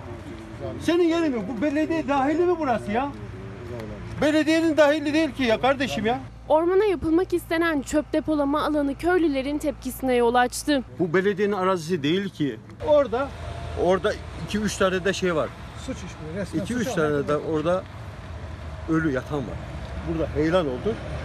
Heyelanın dibine kadar kalk. Şimdi üzerine gelsinler çöp atsınlar. Rize'nin Fındıklı ilçesinde belediye Karadeniz sahil yolunun bitişiğindeki ormana çöp depolama alanı yapmak için hazırlıklara başladı. Yöre sakinleri belediyeye tepki gösterdi. Yanı başlarında çöp istemeyen yeni köylüler pankart açarak projeye karşı çıktı. Fakat en acısı şu. Asker kardeşlerimizi karşımıza diktiler. Belediye Başkanı Ercüment Cevratoğlu ise vahşi depolanmanın çözüm olmadığına dikkat çekti. Yeni projeyle sorunun çözüleceğini öne sürdü. Çöplerin bu sayede ayrıştırılacağını da hatırlattı. Vahşi depolama çözüm değil. Geri dönelim bir düşünelim. Kopa'daki sel felaketini düşünün. Kaybettiğimiz canlar. Belediye başkanı projeyi savunsa da köylüler ikna olmadı. Orman içine bırakılan çöplerin de zamanla denize karışacağını iddia ettiler. Efendim bir bebeğimiz var. Bir buçuk yaşında. Adı Ecrin ve e, bir cihaz alması gerekiyor. SMA hastası bir bebeğimiz bir cihaz alınması gerekiyor. 30 bin lira. SGK bunu karşılamıyor. Doktoru bir kampanya başlattı. Ama önlerine bürokrasi çıktı. Bürokrasi de işte e, ne bileyim kaymakam bir başkasına gönderiyor, öbürü bir başkasına gönderiyor. Ama bir buçuk yaşında bir bebek. Ne bürokrasisi ya? Artık bunun devreden çıkması gerekiyor. İzleyelim konuşalım bir. Kızımın hayata devam edebilmesi için, kızımın sesini duyabilmemiz için bu cihaza ihtiyacımız var. SMA hastası Ecrin 1,5 yaşında 30 bin lira değerindeki öksürtme cihazı onun için hayati önem taşıyor. Ancak SGK karşılamıyor. Asgari ücretle çalışan tekstil işçisi baba Yasin Gelen'in ise o parayı karşılamaya gücü yok. Kızımın boğazındaki deliği kapatmayı istiyoruz. Bu öksürtme cihazı çok pahalı bir cihaz. Adana'da çalmadık kapı bırakmadı Ecrin'in babası ama sonuç alamadı. Solunum cihazına bağlı yaşayan SMA hastası bebek 6 doz ilaçtan sonra hareket etmeye başladı. Boğazındaki deliğin kapanması içinse öksürtme cihazına ihtiyaç var. 30 bin liralık o cihaz için internette imza kampanyası başlatıldı. Bu kez kampanyayı başlatan bir hasta yakını değil doktordu. Öksürtme cihazının e, ücretini Sosyal Güvenlik Kurumu karşılamıyor. Ben e, hızla bir imza kampanyası başlattım. 30 yıllık hekim olan sağlık hukuku uzmanı Doktor Nurhan Demirhan'ın Sağlık Bakanlığı harekete geçsin diye başlattığı kampanya kısa sürede 70 bin destekçiye ulaştı. Sağlık Bakanlığı aile ile iletişime geçti ama bu kez de bürokrasiye takıldı Ecrin'in cihazı. Adana Valiliğine gittik, kaymakamlığa gittik, sosyal yardımlaşmaya.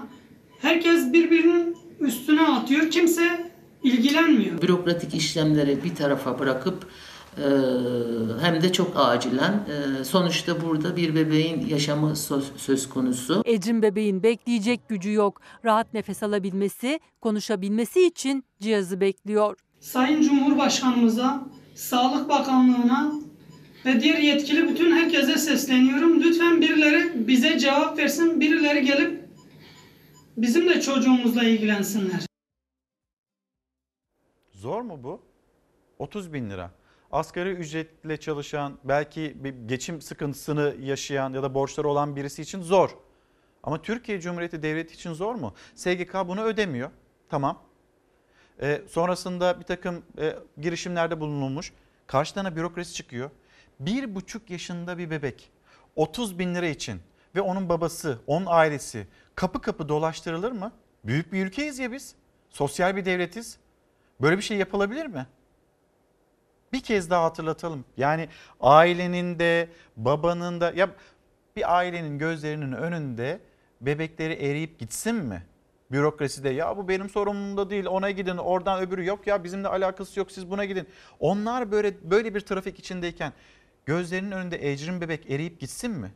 Böyle mi olması gerekiyor? 30 bin liradan bahsediliyor. Sadece 30 bin lira.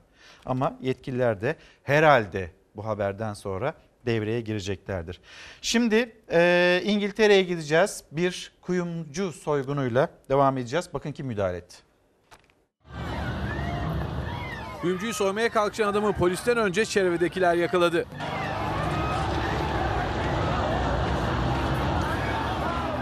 İngiltere'nin başkenti Londra'da 3 soyguncu çaldıkları ciple bir kuyumcunun vitrinine çarptı. Eli çekişli soyguncular hem vitrindeki hem de kırdıkları tezgahlardaki altın ve mücevherlerle kaçmaya başladı. Soygunculardan ikisi kaçarken geride kalan soyguncuyu çevredekiler durdurdu. İngilizler çelmeyle yere düşürdükleri soyguncuyu yumrukladı. Kısa süre sonra olay yerine gelen polisler adamı gözaltına aldı. Polis kaçan iki soyguncunun peşine düşerken çalınan altın ve mücevherin değeri konusunda bir bilgi vermedi. İngiltere'den sonra da şimdi Brezilya. İlginç bir görüntü.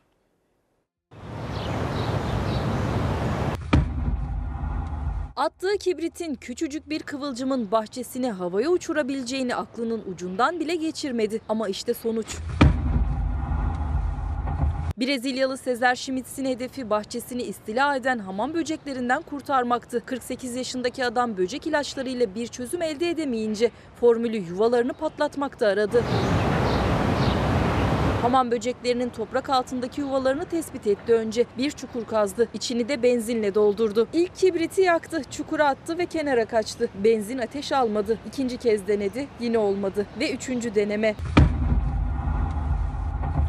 Başardı. Benzin ateş aldı ama sadece hamam böceklerini yok etmesini umduğu patlama bahçesini havaya uçurdu. Cumhurbaşkanı Erdoğan dün Fenerbahçe'nin toplantısındaydı. Kongre üyesi oluşunun 25. yılıydı. Yüksek Divan Kurulu üyesi olmaya hak kazandı.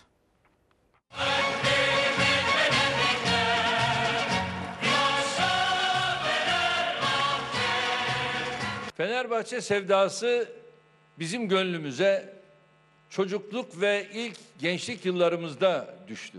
Rahmetli babam bu yola devam etmeme müsaade etmedi. Okumamı özellikle tabii istedi. Sahanın içinde olmasak da sporla, futbolla elbette Fenerbahçe ile olan muhabbetimiz, takibimiz, irtibatımız hep devam etti.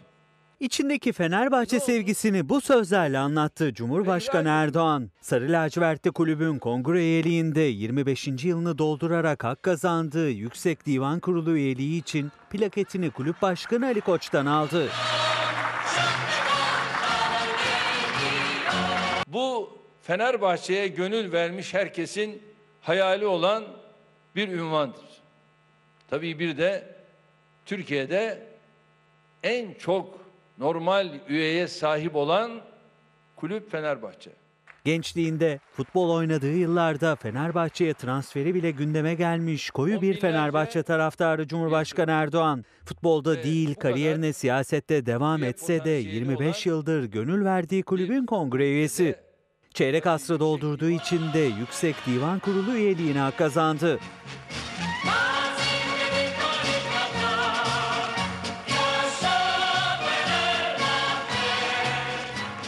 Cumhurbaşkanı Erdoğan İstanbul'daki Divan Kurulu toplantısında Fenerbahçe marşıyla karşılandı. Kulübünün Erdoğan için hazırladığı video izlendi. Kulüp üyelerinin büyük ilgisiyle karşılanan Cumhurbaşkanı konuşmasında eşitlik vurgusu yaptı. Çeyrek asrı geride bırakan İstanbul Büyükşehir Belediye Başkanlığı, Başbakanlık ve Cumhurbaşkanlığı görevlerim süresince hizmet verme bakımından bütün kulüplere eşit davranmaya çalıştık.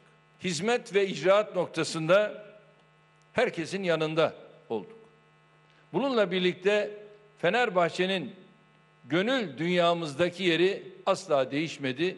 Hep en üstte kaldı. Atalarımızın dediği gibi gönül ferman dinlemiyor. Erdoğan'a Fenerbahçe Kulübü Başkanı Ali Koç tarafından forma hediye edildi. Yüksek Divan Kurulu rozeti takıldı.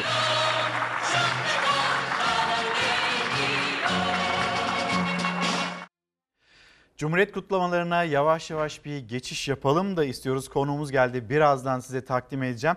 Ama önce bir Ankara'ya gideceğiz. Esenboğa Havalimanı'na ve Cumhuriyet Defilesi'ne.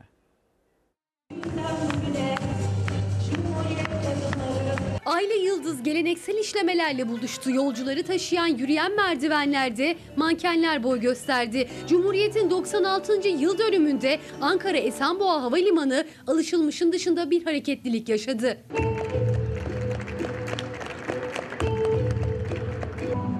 İğne oyaları, renkli motifler, baskılar, gelenekselin modernle buluştuğu çizgiler. Modacı Hamiyet Gürelli'nin tasarımları Ankara Üniversitesi atölyelerinde üretilen kumaşlarla can buldu. Yolcuların beğenisine sunuldu.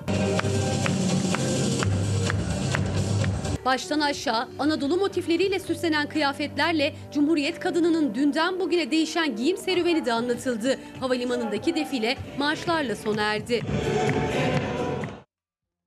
Efendim Şişli Belediye Başkanı Muammer Keskin şu anda stüdyomuzda. Günaydın, Günaydın. hoş geldiniz. Hoş bulduk. Ayın 27'si ama biz Cumhuriyet Haftası'na giriyoruz. Evet. Büyük bir coşkuyla Cumhuriyet Bayramı'nı kutlayacağız. Sizde de heyecan büyük. Çok. Biliyorum. Evet. Ee, sohbetimize geçmeden önce isterseniz hazırladığınız bir klip var. Var. Onu paylaşalım. Tabii, çok iyi Sonra olur. ne olacak? Şişli'de bu heyecan nasıl yaşanacak Tamam. onu bize anlatın. Çok memnun olurum.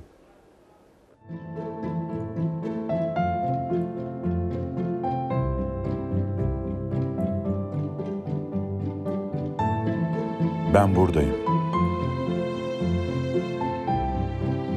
Sokakta, evde, işte, okuldayım. Bak, buradayım. Doğuda, batıdayım. Ayrımsız, fedakar, cefakarım. Arkadaşım. Küçüğüm. Büyüğüm. Hayalim. Gerçeğim alın teriyim. Emeğim, talihim, tarihim. Hak, hukuk, adaletim. Ben senim, sen. Benim cumhuriyetim. Ailem, mahallem. Benim cumhuriyetim. Özgürce yaşama hakkım, bağımsızlığım. Benim cumhuriyetim. Gel demem.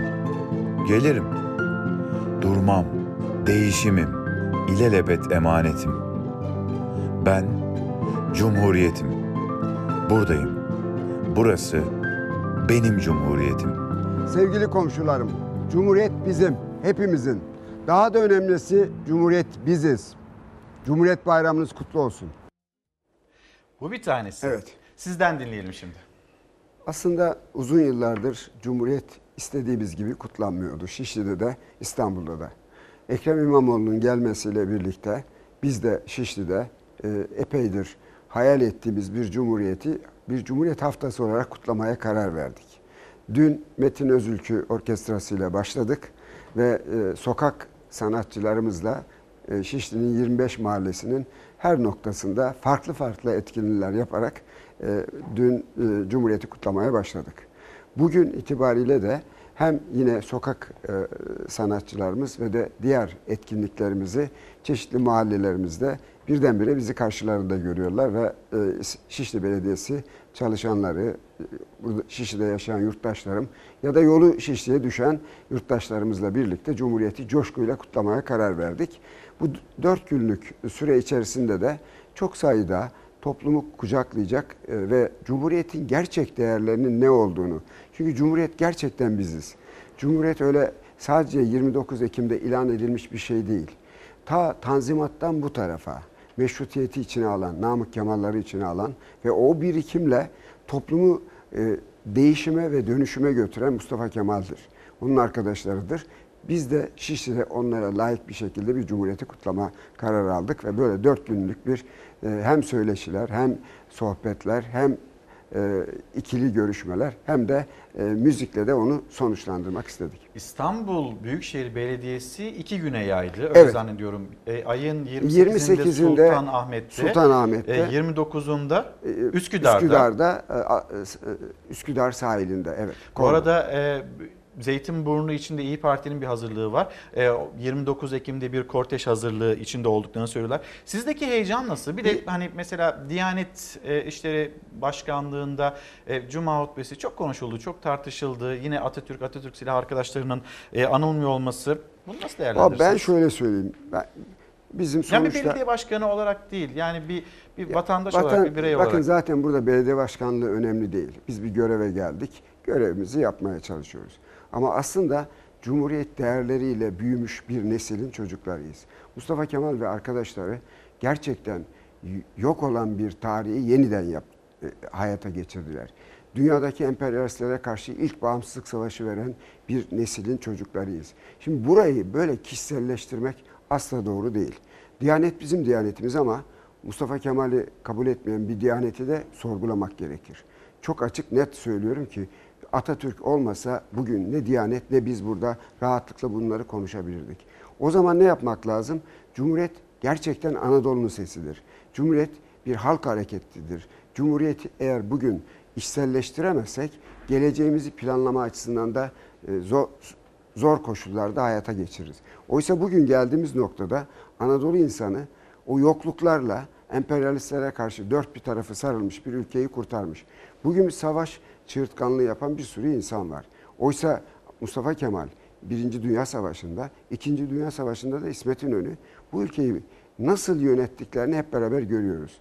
Ve o gün dünyaya kol kanat açan bizim atalarımız ya da bizi bugüne getiren cumhuriyet değerlerini bize aşılayan bir toplumun ve bu cumhuriyeti de gerçekten içselleştirerek topluma anlatmamız gerekir. Ve ilk defa İstanbul'da, ben uzun yıllar İstanbul'da yaşayan biriyim. Şişli'de de 45 yıldır yaşıyorum. Böyle bir coşku... Sizdeki heyecanı da bir anlatır Evet. mısınız o zaman kısaca? Yani şöyle söyleyeyim, e, vallahi uyuyamıyorum, o kadar heyecanlıyım. Çünkü bugüne kadar, bakın şimdi biz demokrasi, Maçka Demokrasi Parkı'nı kullanıyoruz. Benim hatırladığım Maçka Demokrasi Parkı'nda daha bugüne kadar Cumhuriyet kutlanmadı. 156 dönümlük bir yer ve bir kısmını maalesef ranta kurban ettik. Ama bugün burayı halka açıyoruz. Sadece Şişlilere değil. Şişli gündüz nüfusu 3-4 milyon olan, gece nüfusu 274 bin olan bir şehir. Biz burayı gerçekten demokrasi şölenine çevirmeye çalışıyoruz. Sadece o bölge değil. Ayrıca bir şey çok net bir şey de söyleyeyim. Dün Ekrem Bey e, yeşil bir alanı e, İstanbul halkına Kemerburgaz'da kazandırdı. Şişli 39 ilçe içerisinde en az yeşil alan olan yeri biz bu demokrasi parkını hem bu anlamda korumak hem toplumla kucaklaştırmak hem komşularımızla bir araya gelip coşkuyla Cumhuriyeti kutlamak istiyoruz. O yüzden de yüreğim pırpır ediyor. Ee, Şişli Belediye Başkanı Muammer Keskin teşekkür ederiz. Çok sağ olun. Sağ olun. Geldiğiniz için Şişli Bir, ne olacak? bir, bir cümle Ona- edeyim. Lütfen dinliyorum. Bir cümle edeyim çünkü önemsediğimiz için. Son e, dün Metin Bey'le başladık. Yarın şey bugün e, Faruk Demir'le devam ediyoruz konserimize. Yar, yarın ceza var. Son günde e, son gün konserimizi de aslında e, Atatürk Evi'nin önünde başlatıyoruz. E, Atatürk'ün şöyle bir önemi var. 16 Mayıs günü Mustafa Kemal o gün daha Atatürk olmamış. e, Samsun'a çıkma kararı alıyor o evden ve gece sabaha doğru bildiğimiz bandırma gemi evet bandırma gemisine biniyor. Ve biz e, son gün saat 18'de Atatürk Evi'nin önünde meşalelerle Demokrasi Parkı'na yürüyeceğiz ve son olarak da Teoman'la orayı şenlendireceğiz. Ve bütün Şişli halkını da İstanbul halkını da oraya davet ediyoruz. Evet çok teşekkür ederiz. Şimdi reklamlara gireceğiz ama sakın kanal değiştirmeyin. Elinizde ne var ne yok her şeyi bırakın. İnanılmaz bir yayın olacak reklamlardan sonra. Efendim bir kez daha günaydın. Az önce elinizde ne var ne yok her şeyi bırakın. Biz Cumhuriyet Bayramı coşkusunu yaşamak istiyoruz dedik. Bir misafirim var. Daha önce de sizinle tanıştırdım. Bir kez daha çağırdım. İnanılmaz yoğun bir programı içinde sağ olsun vakit ayırdı. Burada bu programı tamamlayacak hemen Samsun'a gidecek Pınar Ayhan. Günaydın. Hoş geldiniz. Günaydın sevgili İlker Karagöz. Ne demek vakit ayırdı? Sen bize vakit ayırıyorsun ve fırsat olur mu? veriyorsun. Biz- ben inanılmaz anlatmaya. heyecanlıyım. Şöyle ben Pınar Ayhan'ın ne zaman hangi gösterisine gitsem bir tabii ki biz ağlıyoruz. Ama bütün salonun aynı anda ağlayıp e, çıktığı başka gösteri kaç tane vardır açıkçası bilmiyorum. Ve Pınar Ayhan kimdi, neler yapıyordu? Kısacık dinleyelim ben hemen gösteriye geçmek Hemen istiyorum. çünkü. hemen. Ee, son 3 yıldır Orada Dur Verseydi Zaman ve Kemal adlı iki gösterimizi sahneliyoruz Anadolu'nun her yerinde. İlk gösterimiz Orada Dur Verseydi Zaman'da 100 yılımızdan hikayeler, yaşanmış gerçek hikayeler. Ee, çerçevede Atatürk var çünkü 100 yıldan hangi yola sapsanız tabii ki o Ulu Önder çıkıyor karşımıza. Ee, Kemal adlı gösterimizde de tam merkezde Mustafa Kemal Atatürk'ü anlatıyoruz. Bu iki gösterimizle e, Anadolu'da illeri, ilçeleri, her yeri, okulları gezip e, gerçekleri, yaşadıklarımızı, nereden nereye geldiğimizi anlatıyoruz İlker'ciğim. Burada çok önemli bir şey daha var. Yani bir yandan siz sanatçısınız, harika bir ses performansınız var. Bunların dışında tarihe olan ilginiz, unutulmaya yüz tutan ya da hafızalarda kalan ama yazılı hale geçmeyen tarihi köy köy, bucak bucak dolaşıp bulup hikayelerinize ekliyorsunuz. Bu çok kıymetli. Çok sağlam bir e, araştırma ekibimiz var. Banu Mert Yürek Güler, metin yazarımız, işte efendim Evren Kalaycıoğlu, şimdi beraberiz, müzik direktörüm. E, kalabalık bir ekibiz, araştırma ekibimiz dediğim gibi kuvvetli. Buluyoruz, heyecanlanıyoruz. Yahu neden bunlar bize anlatılmadı? Eğer tarih bize böyle anlatılsaydı belki daha iyi anlardık. Bugün ne yapmamız gerektiğini, yarına ne yap nasıl hazırlanmamız gerektiğini ona heyecanlanıyoruz. O yüzden de tabii içine bolca sanat koyarak, zaten sanat doğada yaşantımızın her yerinde yok mu? Sanatla yaşamıyor muyuz? Yolda yürürken müziği duymuyor musunuz? Ritmi duymuyor musunuz her yerde? Müziğini, şiirini, edebiyatını, fotoğraflarını, görsellerini de koyunca işin içine tam da o yıllara gitmiş kadar oluyoruz. Daha bir idrakımız artıyor yani. O zaman başlayalım. Başlayalım. Ee, Pınar Ayhan yani işte gösterileri var. Orada duru verseydi zaman. Kemal o gösterilerden bir tanesi. Bunların dışında başka bir hazırlık Fox TV Çalar Saat hafta sonu için ve izleyiciler için, sizler için başka bir hazırlık da karşınızda olacak. Heyecanla bekliyoruz. Buyurun efendim. Sahne Haydi sizin. başlayalım. Anlatalım bakalım. Efendim Erzurum Kongresi Mustafa Kemal ve arkadaşları büyük bir mücadeleye girişmiş. Çünkü vatan elden gidiyor ve Mustafa Kemal için artık yol ayrımı. Ya ömrü boyunca üzerinden çıkartmadığı üniformasından ve askerlikten vazgeçip istifa edecek ya da vatanın kurtuluşu ihtimalinden vazgeçecek. Mustafa Kemal o kongreye ulusun bağrında tek başına bir savaşçı olarak katılıyor. Kongrede olup bitenler, efendim oradaki kararlar, bunları anlatmak günler sürer ama bir şey var ki ille de anlatılmalı bence. Bilinmeli Mustafa Kemal nasıl Atatürk oldu. Erzurum Kongresi'nin bitiminde Mustafa Kemal Müfit Bey'e diyor ki Müfit Bey defterin yanında mı? Al da gel küçük not defterine. Şimdi sana bir şeyler yazdıracağım ama o yazdırdığım sayfadakileri kimseye gösterme. Dikkatli ol diyor. Başlıyor yazdırmaya. Müfit Bey gözlüğünü takıyor. Elinde kalemi not defteri. 28 Temmuz 1919 sabaha karşı. 1. Zaferden sonra hükümet biçimi cumhuriyet olacaktır. 2. Padişah ve hanedan hakkında zamanı gelince gereken işlem yapılacaktır. 3. Fes kalkacak, uygar milletler gibi şapka giyilecektir. Derken derken Müfit Bey şöyle bir kafasını kaldırıyor, Mustafa Kemal'in yüzüne bakıyor. Darılmayın paşam ama sizin hayal peşinde koşan taraflarınız var deyince Mustafa Kemal gülüyor ve onu zaman gösterir sen yaz deyip devam ediyor yazdırmaya. 4. Latin harfleri kabul edilecektir deyiverince artık Müfit Bey dayanamıyor. Paşam yeter yeter deyip derlenip toparlanıp izin isteyerek ayrılıyor oradan. Tabii şaşırıyor Müfit Bey çünkü herkes için zor günlerdir o günler. Mustafa Kemal'in bu saydıkları ise ya hayaldir ya mucize. Çünkü ateş vardır her yerde ve kan ve çaresizlik. Ankara'ya gelip de işin ucundan tutanların çoğunun ne yatacak yerleri var o günlerde ne de yemek yiyecek yerleri. Hatta vekiller muallim mektebinin yatakhanesinde öğrenciler gibi dip dibe ranzalarda yatıp kalkıyorlar. Çengelhan gibi hanlarda otların samanların içinde yan yana uyuyor koca koca adamlar. Ödenek heyhat, ordu ya var ya yok. Hal böyle olunca bazı vekillere bu dava çürük gelmiş olacak ki birer ikişer memleketlerine gitmeye başlıyorlar. Bu durum tabii Mustafa Kemal'in de kulağına gidiyor. İşte o an birdenbire çocukluğu geliyor aklına.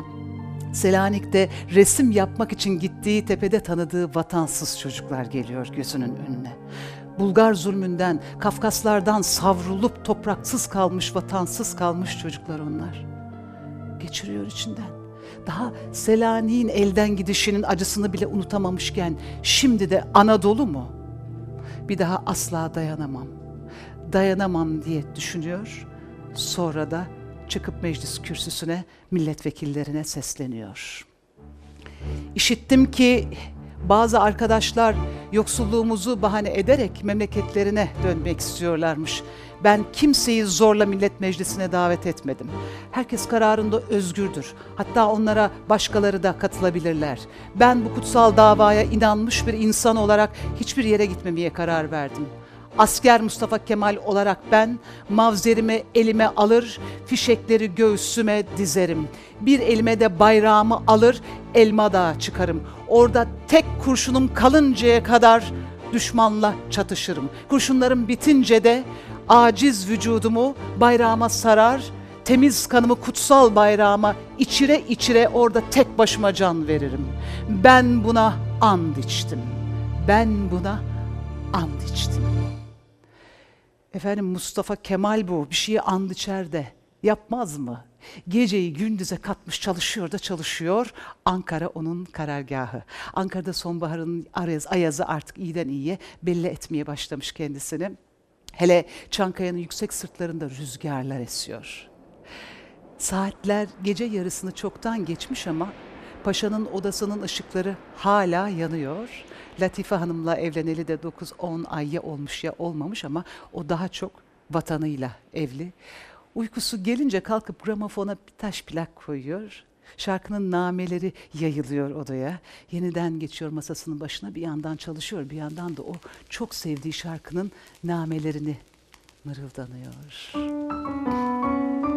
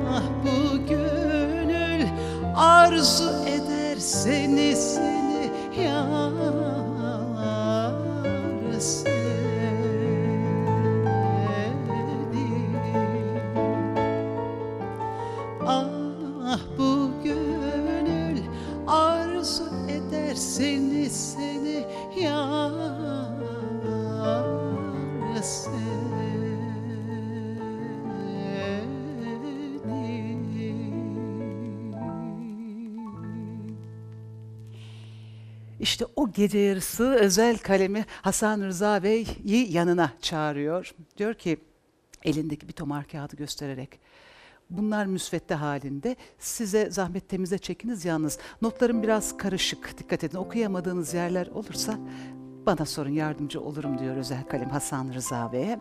Sonra da sıkı sıkı tembihliyor. Yalnız bu notları ya da yazılanları şimdilik sadece ikimiz bileceğiz. Amirlerinize dahi bunlardan bahsetmeyiniz diyor. Allah Allah. Hayırdır inşallah. Paşanın gizliliğini bu denli önemsediği müsveddelerde ne yazıyor ki diye merakla odasına geçiyor Hasan Rıza. Elindeki notların ilk maddesinde yazılı olan şu. Hükümet şeklimiz cumhuriyettir. Allah Allah. E, ama peki nedir cumhuriyet? O günlerde cumhuriyetin ne olduğunu bilen o kadar az ki. Bu olaydan kısa bir süre önce üstelik Mustafa Kemal meclis, meclisteki odasında birkaç milletvekili ve gazeteciyle oturmuşken bu konuyu tartışmaya açınca gazeteci Yunus Nadi diyor ki cumhuriyet ne demektir? Kamusa yani sözlüğe baktım ben ama chose public kelimeleriyle tercüme edilmiş. Peki bizdeki manası sizce ne olabilir diye soruyor. Öylesine yabancıyız yani bu kavrama. Aydınımız bile bilmiyor Cumhuriyet'in kelime anlamını ama hazırız da bir yandan. Ankara'da ilk meclisin önünde içeriden çıkacak kararı bekleyen halk yaşasın Cumhuriyet diye bağırıyor avaz avaz. Edirne'de bambaşka bir alem sokaklar, mübadil davulları sokakları arşınlıyor.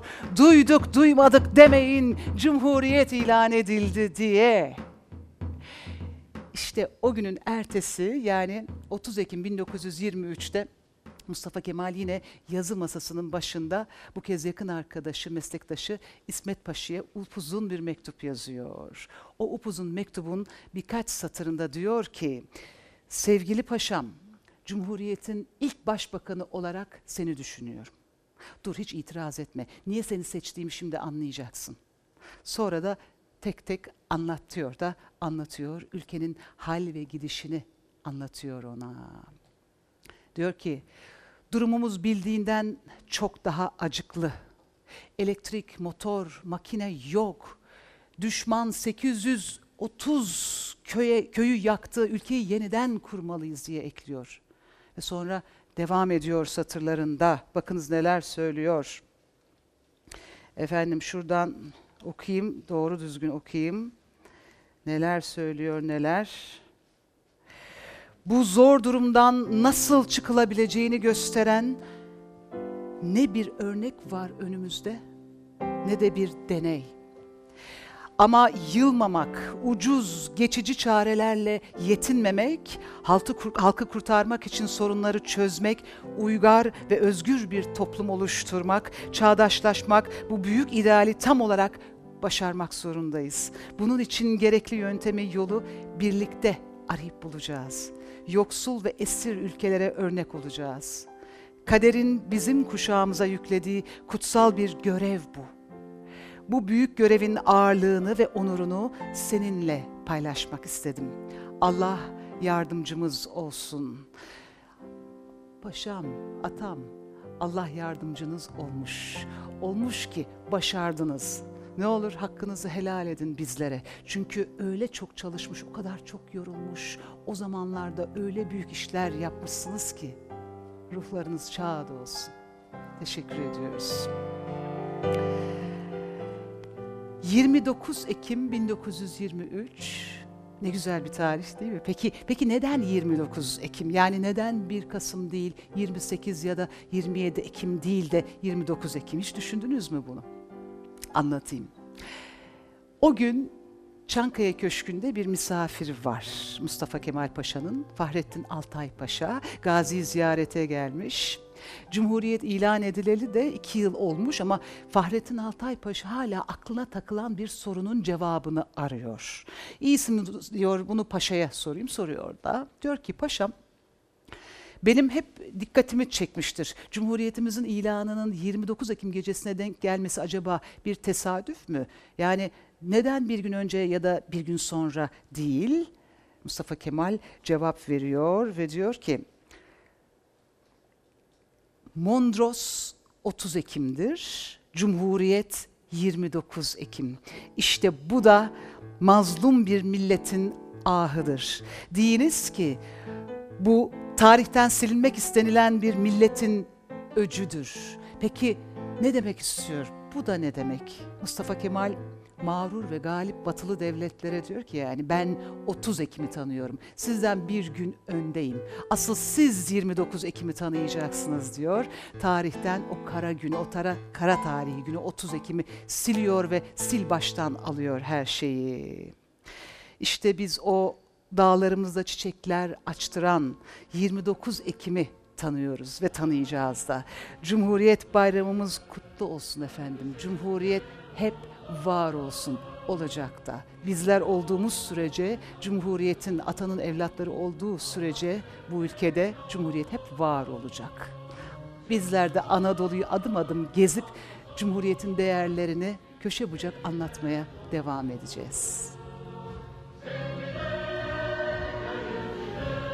Yine harikaydı. Yine muhteşemdi. Çok teşekkürler. Ama yani o kadar güzel bir sesiniz var ki. Evet evet. Bir Atamızın- şarkıyı atladık onu söyleyelim. Heh. Onu söylemenizi istiyorum. Bir de Evet. Tuna boyu. Onu da istiyorum. Aa, şu bir çalın davulları yapalım mı? Çalın davulları Ha, yapalım. Hadi çalın davu- dinleyelim. davulları Hep birlikte yapalım. dinleyelim. Atamızın sevdiği ya, türküler, ya. şarkılar. Böyle Onu devam edelim. atlamayalım, onu atlamayalım. Hadi bak. Bu arada özür diliyorum. Sabah sabah biraz yorulmuş, sesim yorgun. Kusura bakmayın artık. Kutluyoruz Cumhuriyetimizi. Harikaydı. Çalın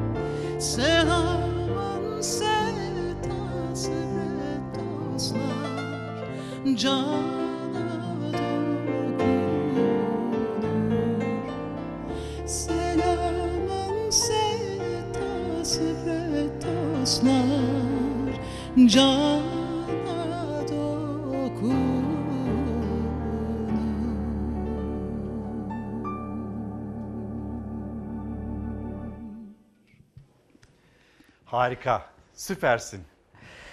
İlker'cim, Şimdi- evet. Biraz istersen bahsedeyim mi? Yani hani gösterilerde anlattığımızdan da tam amaca uygun olur mu acaba senin E, için? tamam, dinliyoruz. Heh. Çünkü e, neden bu yoldasınız diye soranlar da var. Yani herkes çok memnun, herkes çok e, öğrendiği pek çok şeyden dolayı mutlu ama işte Cumhuriyet diyoruz, Atatürk diyoruz.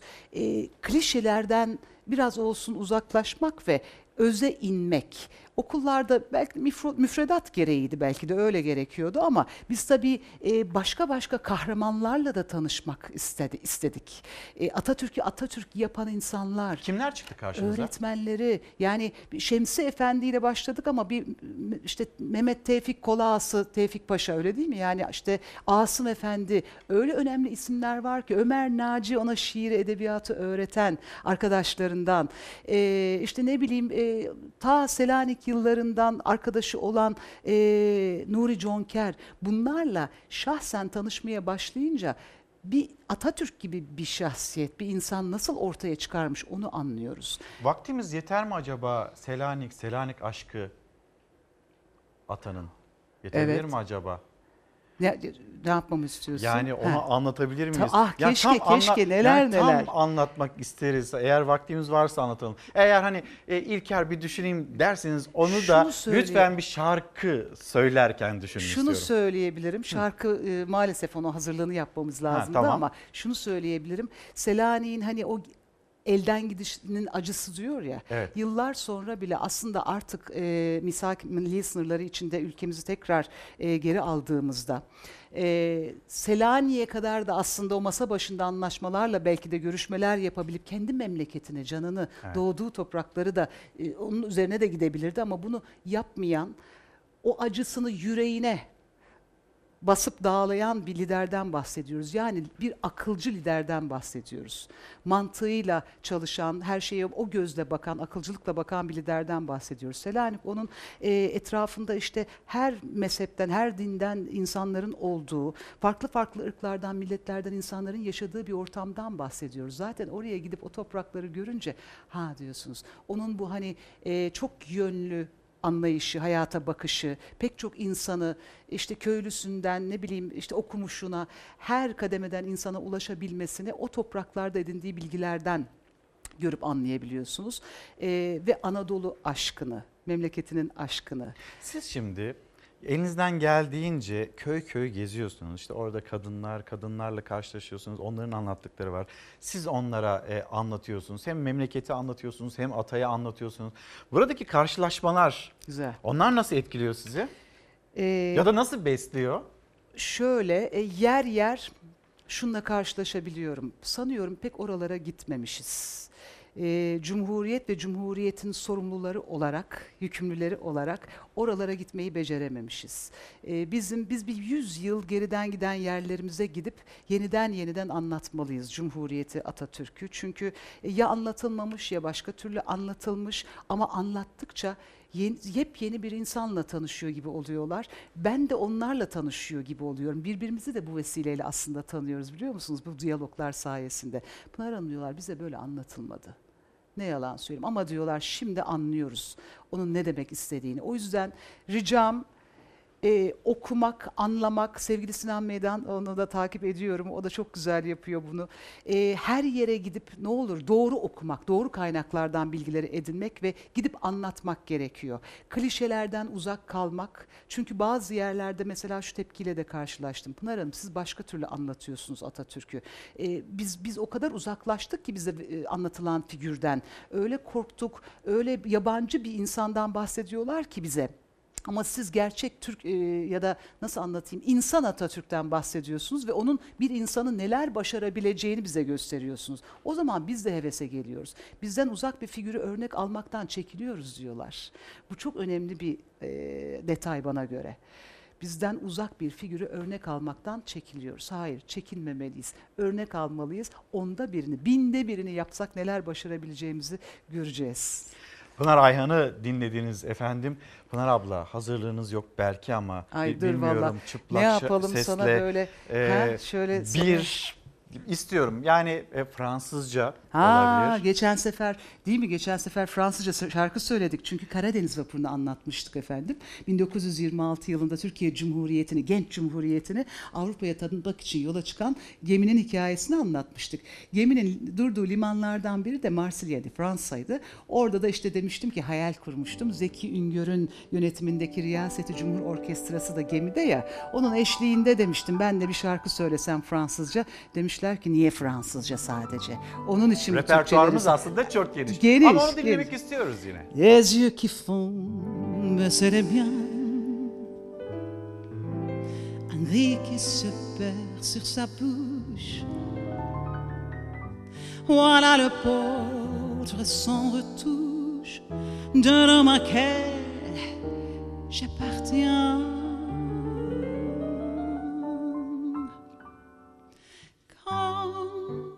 Il me prend dans ses bras, il me parle tout bas, je vois la vie en rose. Il me dit des mots d'amour, des mots de tous les jours, et ça me fait quelque chose. Il est entré dans mon cœur lumière de bonheur dont je connais la cause. C'est lui pour moi pris dans la vie. Il me l'a dit, l'a juré pour la vie.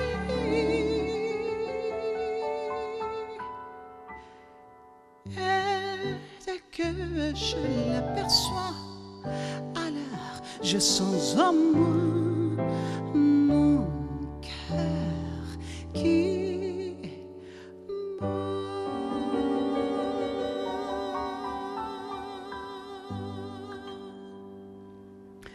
Aslında e, sevgili İlker bu konuya girdi, iyi etti. Önemli bir konu. Yani Cumhuriyet'in e, bana göre en önemli tanıtım projesi. Biz üç yıldır anlatıyoruz. Şimdilerde duyuyorum epey artık duyulmaya başlanmış, öğrenmiş. Çünkü önemli bir konu. Mutlaka anlaşılmalı. İlk tanıtım gemimizdir, fuar gemimizdir efendim. 1926'da yola çıkmış bir gemi. 1925'te Atatürk diyor ki fabrikalar açtık, artık e, gelişiyoruz, hızlandı her şey, işte ne bileyim neler yaptık. E, Kayseri'de ilk motor uçak fabrikası. Sonra e, devlet demir yolları dedik tamam kuralım. İlk madeni paramızı basmışız. Kadın erkek eşit demişiz. Üretim başlamış her yerde. Bunun üzerine diyor ki Mustafa Kemal ya bir fuar düzenleyelim de dış ilişkilerimizi, dış ticareti geliştirelim böyle bir dünyaya açılalım.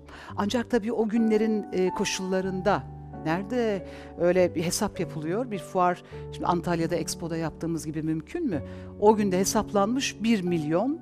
Halbuki mecliste bütçe hesaplanmış, kasaya bakılmış 15 bin lira kadar yetmez. Olacak iş değil. Bir yıl kadar öyle bir rafta bekliyor o konu. Fakat bir yıl sonra dönemin Ticaret Bakanı Ali Cenani Bey diyor ki buldum. Ben çareyi buldum. Yapacağız bunu. Ne yapacağız? Bir seyyar sergi düzenleyeceğiz diyor. Allah Allah. Nasıl seyyar? Yani gezer sergi. E, hani Haliç'te bir gemimiz var ya. Zamanında almışız Hollandalılardan 35 bin pound'a. Onu hazırlayalım. Bir güzel beyaza boyayalım. İçinde ne var ne yok dolduralım diyor. Bayılıyorlar bu fikre. Hemen başlıyor hazırlıklar. Biraz da böyle işte içeride tanıtımlarını yapacak olan firmalara standlar da vermişler, ayırmışlar. Pavyon deniyor o yıllarda. Onlara verilen kameralardan da kiralar alıyorlar filan. Para tamamlanıyor.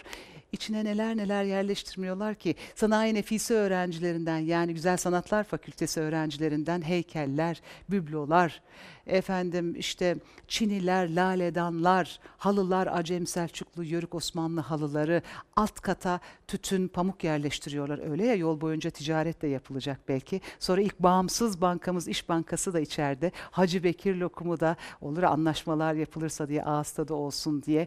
O da var. Tiftik keçisi de Ankara keçisi de koyuyorlar. Her şeyimizi sergileyeceğiz ya. Ama rahat durmamış hayvan da sonradan doldurup koymuşlar onu kenara. Bu vaziyette yola çıkıyor gemi. Atatürk Mudanya'da karşılıyor. Yıllarca biliyorsunuz gitmedi 1920'ye kadar İstanbul'a. Mudanya'da karşılıyor gemiyi. Ele güne çıkmadan önce ilk evvela kendisi tetkik etmek istiyor. İşte sergilenen malları, tanıtım yazılarını teker teker okuyor. Birkaç dilde hazırlanmış. Tamam diyor oldu bu iş ve gemi yola çıkıyor. İlk durak Cezayir. Aslında planda yok ama iyi kömür orada alınacak. Cezayir'de duruluyor.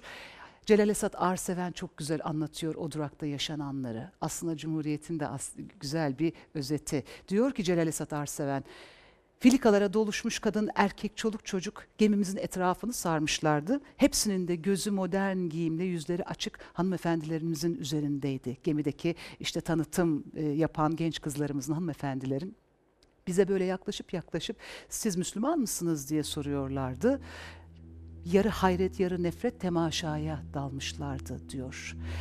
Aslında Refik Akdoğan kaptan kulakları çınlasın çok güzel böyle bir e, fikir vermişti. Demişti ki sonradan beni arayıp ya sevgili Pınar galiba Atatürk istemişti ki Cezayir'e uğransın ve genç bir cumhuriyete dönüşmüş bir devlet, bir Müslüman ülke nasıl modernleşmiş, nasıl layıkleşmiş, ne noktaya gelmiş o görünsün. Belki de ilk kıvılcım Cezayir'de atılsın diğer e, müstemleke ülkeleri kendilerine gelsinler, yola çıksınlar diye, alev alsın, ateş alsınlar diye. Belki de bunu düşündü demişti. Bence bu da araştırılması, iyice öğrenilmesi gereken bir proje. Pınar Ayhan çok teşekkür ederiz. Ben İyi teşekkür ki varsınız. ediyorum. Ben Sağ olun teşekkür geldiğiniz ediyorum. için. Her bir şey kez daha için. söylüyorum. Yoğun bir koşturmaca içinde çıktınız, geldiniz ve Her zaman. çok mutlu oldum. Ben buyurun. Özür diliyorum. 13 Kasım'da tekrar Kemal ile İstanbul'dayız. İsteyen e, izleyicilerimiz olursa bilgileri olsun. Anlaştık. Teşekkür. O zaman şimdi ben Pınar Ayhan'ı uğurlarken Samsun'a sizlere de bir klip var mı vaktimiz? Yok. O zaman bir mola verelim. Sonra dönüşte burada buluşalım. Efendim bir kez daha günaydın. Cumhuriyet Bayramımıza iki gün kala özel bir yayınla karşınızdaydık. Dileriz beğenmişsinizdir. Umuyoruz ki güzel geçmiştir. E, Çalar Saat hafta sonu programı sizler için de. Ve kapatırken her zamanki gibi teşekkürümüz sizlere. Bizi izlediğiniz için teşekkür ederiz. Güzel bir gün olsun. Güzel bir pazar günü olsun.